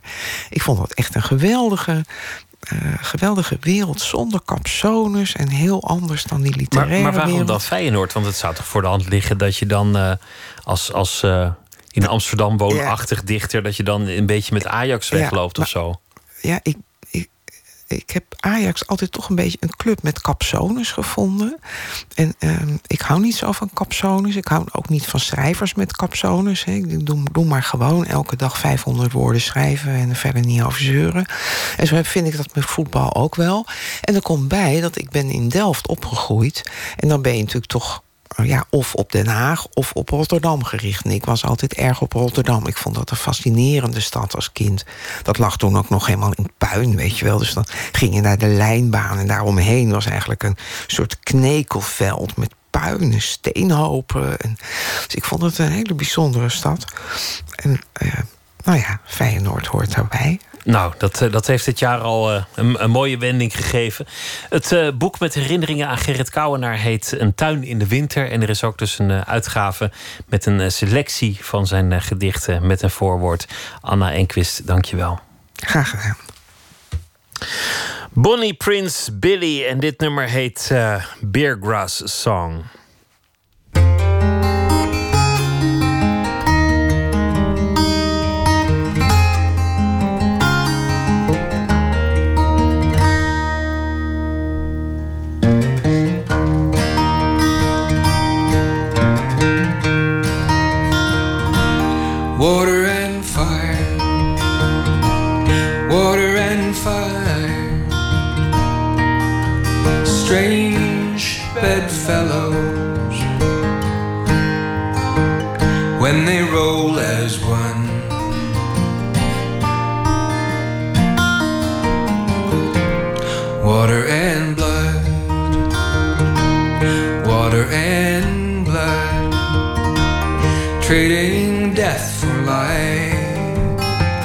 As they roll away.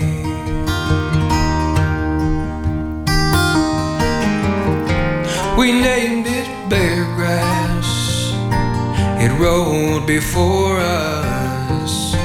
It rolls among us. It will roll.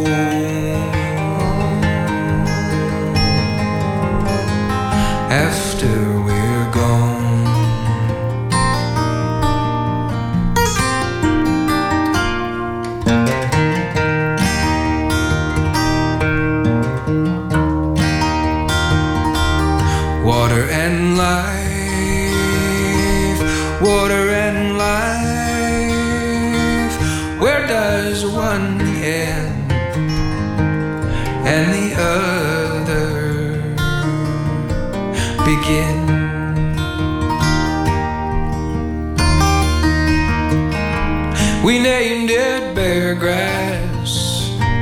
It rolled before us. It rose among us. It will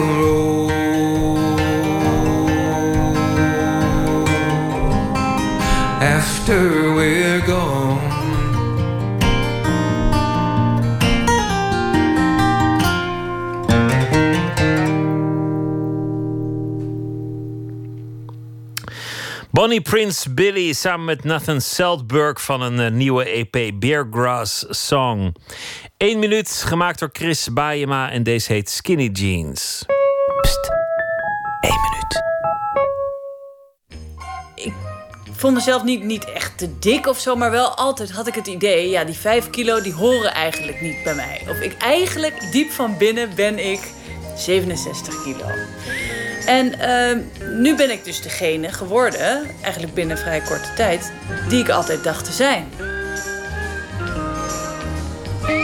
En ik stond dus in die winkel met die skinny jeans in mijn handen die ik aankom. En ik realiseerde me opeens: hé, hey, maar ik ben nog steeds. Mijn leven is gewoon eigenlijk nog steeds. Heel, er is niks veranderd. Ik ben nog steeds dezelfde.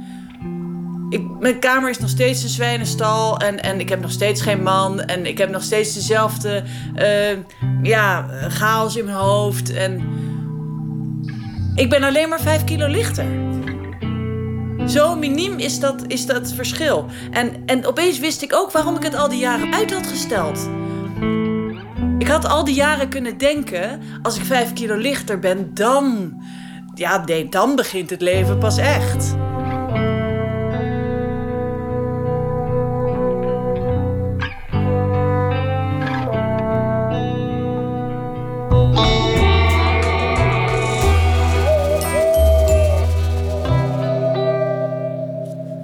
Thomas Heerma van Vos zal deze week elke nacht een eh, verhaal voor ons maken bij de afgelopen dag.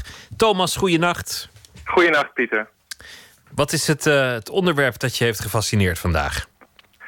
Nou, in het land ging het natuurlijk erg over de uh, formatiepogingen. En daar werd uh, van alles over gezegd waar dat nou precies op mis is gegaan. En wie daar de voornaamste schuld voor heeft, voor zover je kan spreken van een schuld. Zelf hield ik me daar vandaag niet zo mee bezig, want het was eigenlijk ja, erg uh, persoonlijk, maar het was mijn verjaardag. Ach, gefeliciteerd. Ja, dankjewel. Je Dit bent niet meer jarig. Nee, nee, net niet meer. Maar je hebt, je hebt gisteren niks gezegd. Gisteren had ik je nog kunnen feliciteren. Ja, dat klopt. Maar toen dacht ik, ik, ik, tel, ik, ik zat erover na te denken, ik ga niet elke nacht bij Nooit meer slapen dan over mijn verjaardag beginnen. Alsof dat nou het voornaamste is wat me bezighoudt. Dus ik dacht, ik begin erover als hij al achter de rug is. Want dit is nog voor mij de dinsdag en dat was daadwerkelijk de verjaardag. Dus daar ga ik het ook kort over hebben. Nou, ga je gang.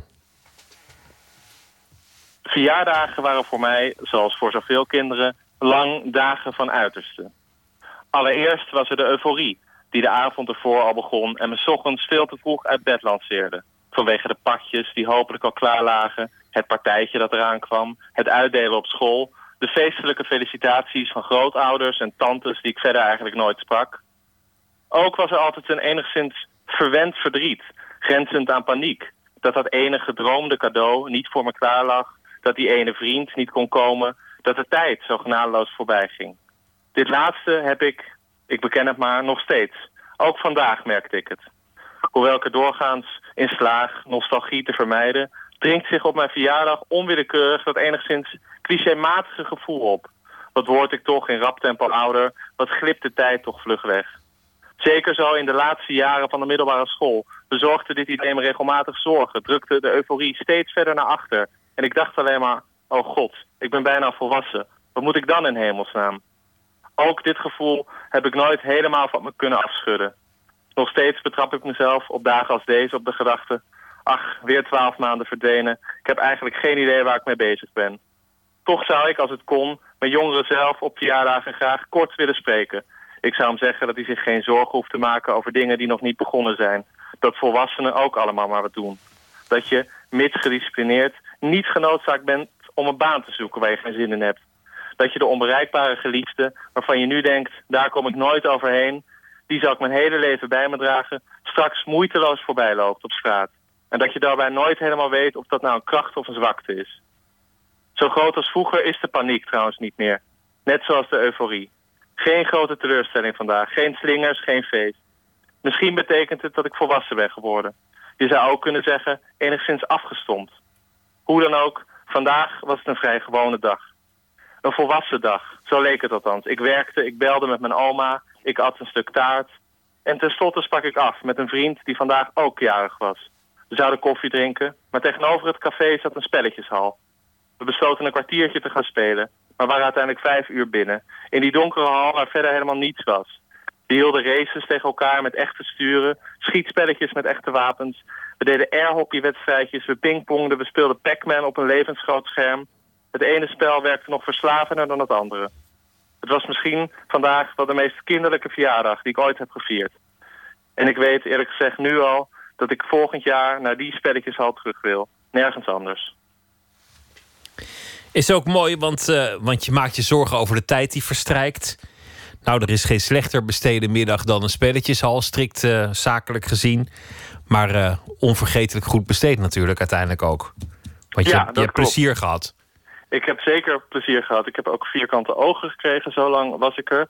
En inderdaad, als je daar netto naar kijkt... en ik, ik heb de neiging soms om tijd ook nogal netto en zakelijk eh, eh, te bekijken... dan is dit een verloren middag geweest. En tegelijkertijd gaf het me wel een soort voldoening... die ik eh, nou, de uren achter mijn toetsenbord niet altijd krijg, laat ik het zo maar zeggen. Dus ik zou het, mocht jij binnenkort jarig zijn... of niet binnenkort, maar bij een volgende verjaardag... mocht je ook weer zo'n stukje taart naar binnen werken en koffie drinken en denken... is dit het?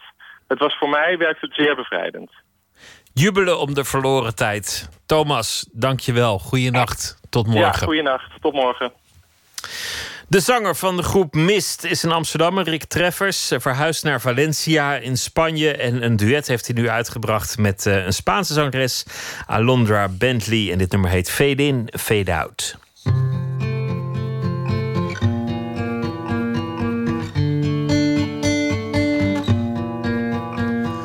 Now our efforts have been made, solutions dissipate. No use to see a use in waiting now.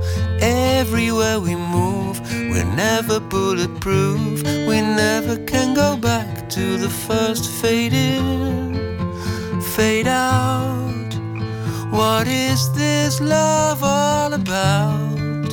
Fade in, fade out. How can I leave you alone? Carved your name in stone. I read it on the wall between our two hearts. All the ways we move, we always lose the groove. How can we ever dance to the first fade in, fade out? What is this love all about? Fade in, fade out.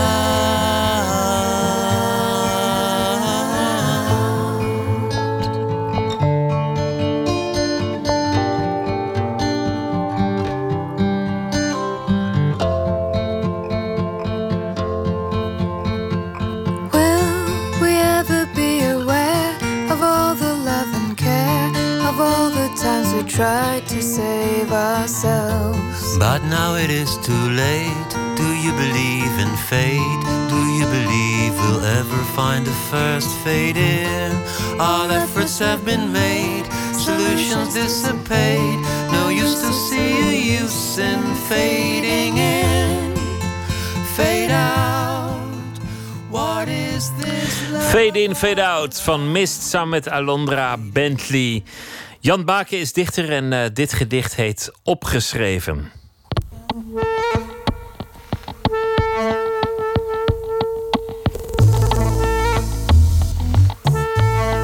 Opgeschreven. Gelukkig het hart opnieuw getroffen. Aan de broederschap geschreven. Hoe we niet voldoende bij onze kennis kunnen komen. Maar door geloof mogen hopen dat alles ons duidelijk wordt. Het was een warme dag. En het brood en de olijven hadden het zwaar te verduren. Wij zijn hier vreemd. Kunnen we het anders zeggen? Ook het brood en de olijven zijn hier toevallig. We hebben geleerd naar de vorm en de smaak te benoemen, en daarmee is genoeg verklaard.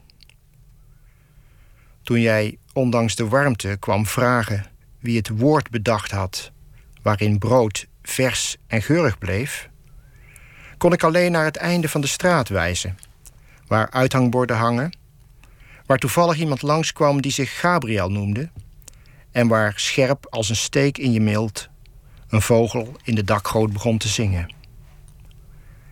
Eigenlijk wilde jij weten of er voor de liefde ook een woord was. Maar dat was er niet. Alleen voor de schrik die daarmee gepaard gaat. Ik lees een gedicht uit mijn nieuwe bundel, Seizoensroddel. Verscheen in november 2015.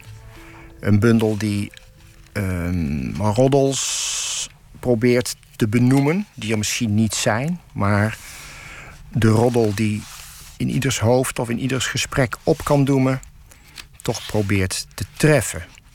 Het, gaat, het is een bundel die eigenlijk ook heel erg gaat over eh, verwondering, verwarring, onzekerheden die het leven met zich meebrengt. Ook misschien ook wel in deze wat roerige tijden waarin we nu leven. Die aanwezigheid van dreiging op allerlei manieren is ook in deze bundel goed te merken, denk ik. Gelukkig het hart, opnieuw getroffen. Aan de broederschap geschreven. Hoe we niet voldoende bij onze kennis kunnen komen, maar door geloof mogen hopen dat alles ons duidelijk wordt. Het was een warme dag en het brood en de olijven hadden het zwaar te verduren. Wij zijn hier vreemd. Kunnen we het anders zeggen? Ook het brood en de olijven zijn hier toevallig. We hebben geleerd naar de vorm en de smaak te benoemen en daarmee is genoeg verklaard. Toen jij ondanks de warmte kwam vragen wie het woord bedacht had waarin brood vers en geurig bleef, kon ik alleen naar het einde van de straat wijzen, waar uithangborden hangen, waar toevallig iemand langskwam die zich Gabriel noemde, en waar scherp, als een steek in je mild, een vogel in de dakgoot begon te zingen. Eigenlijk wilde jij weten of er voor de liefde ook een woord was. Maar dat was er niet. Alleen voor de schrik die daarmee gepaard gaat.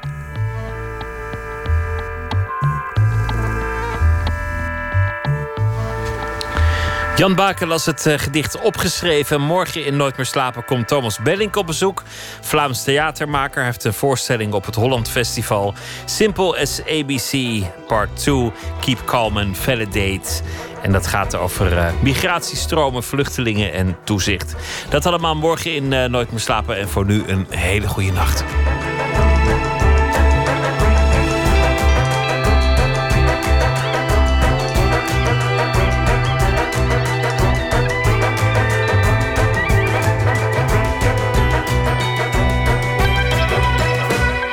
Op Radio 1, het nieuws van alle kanten.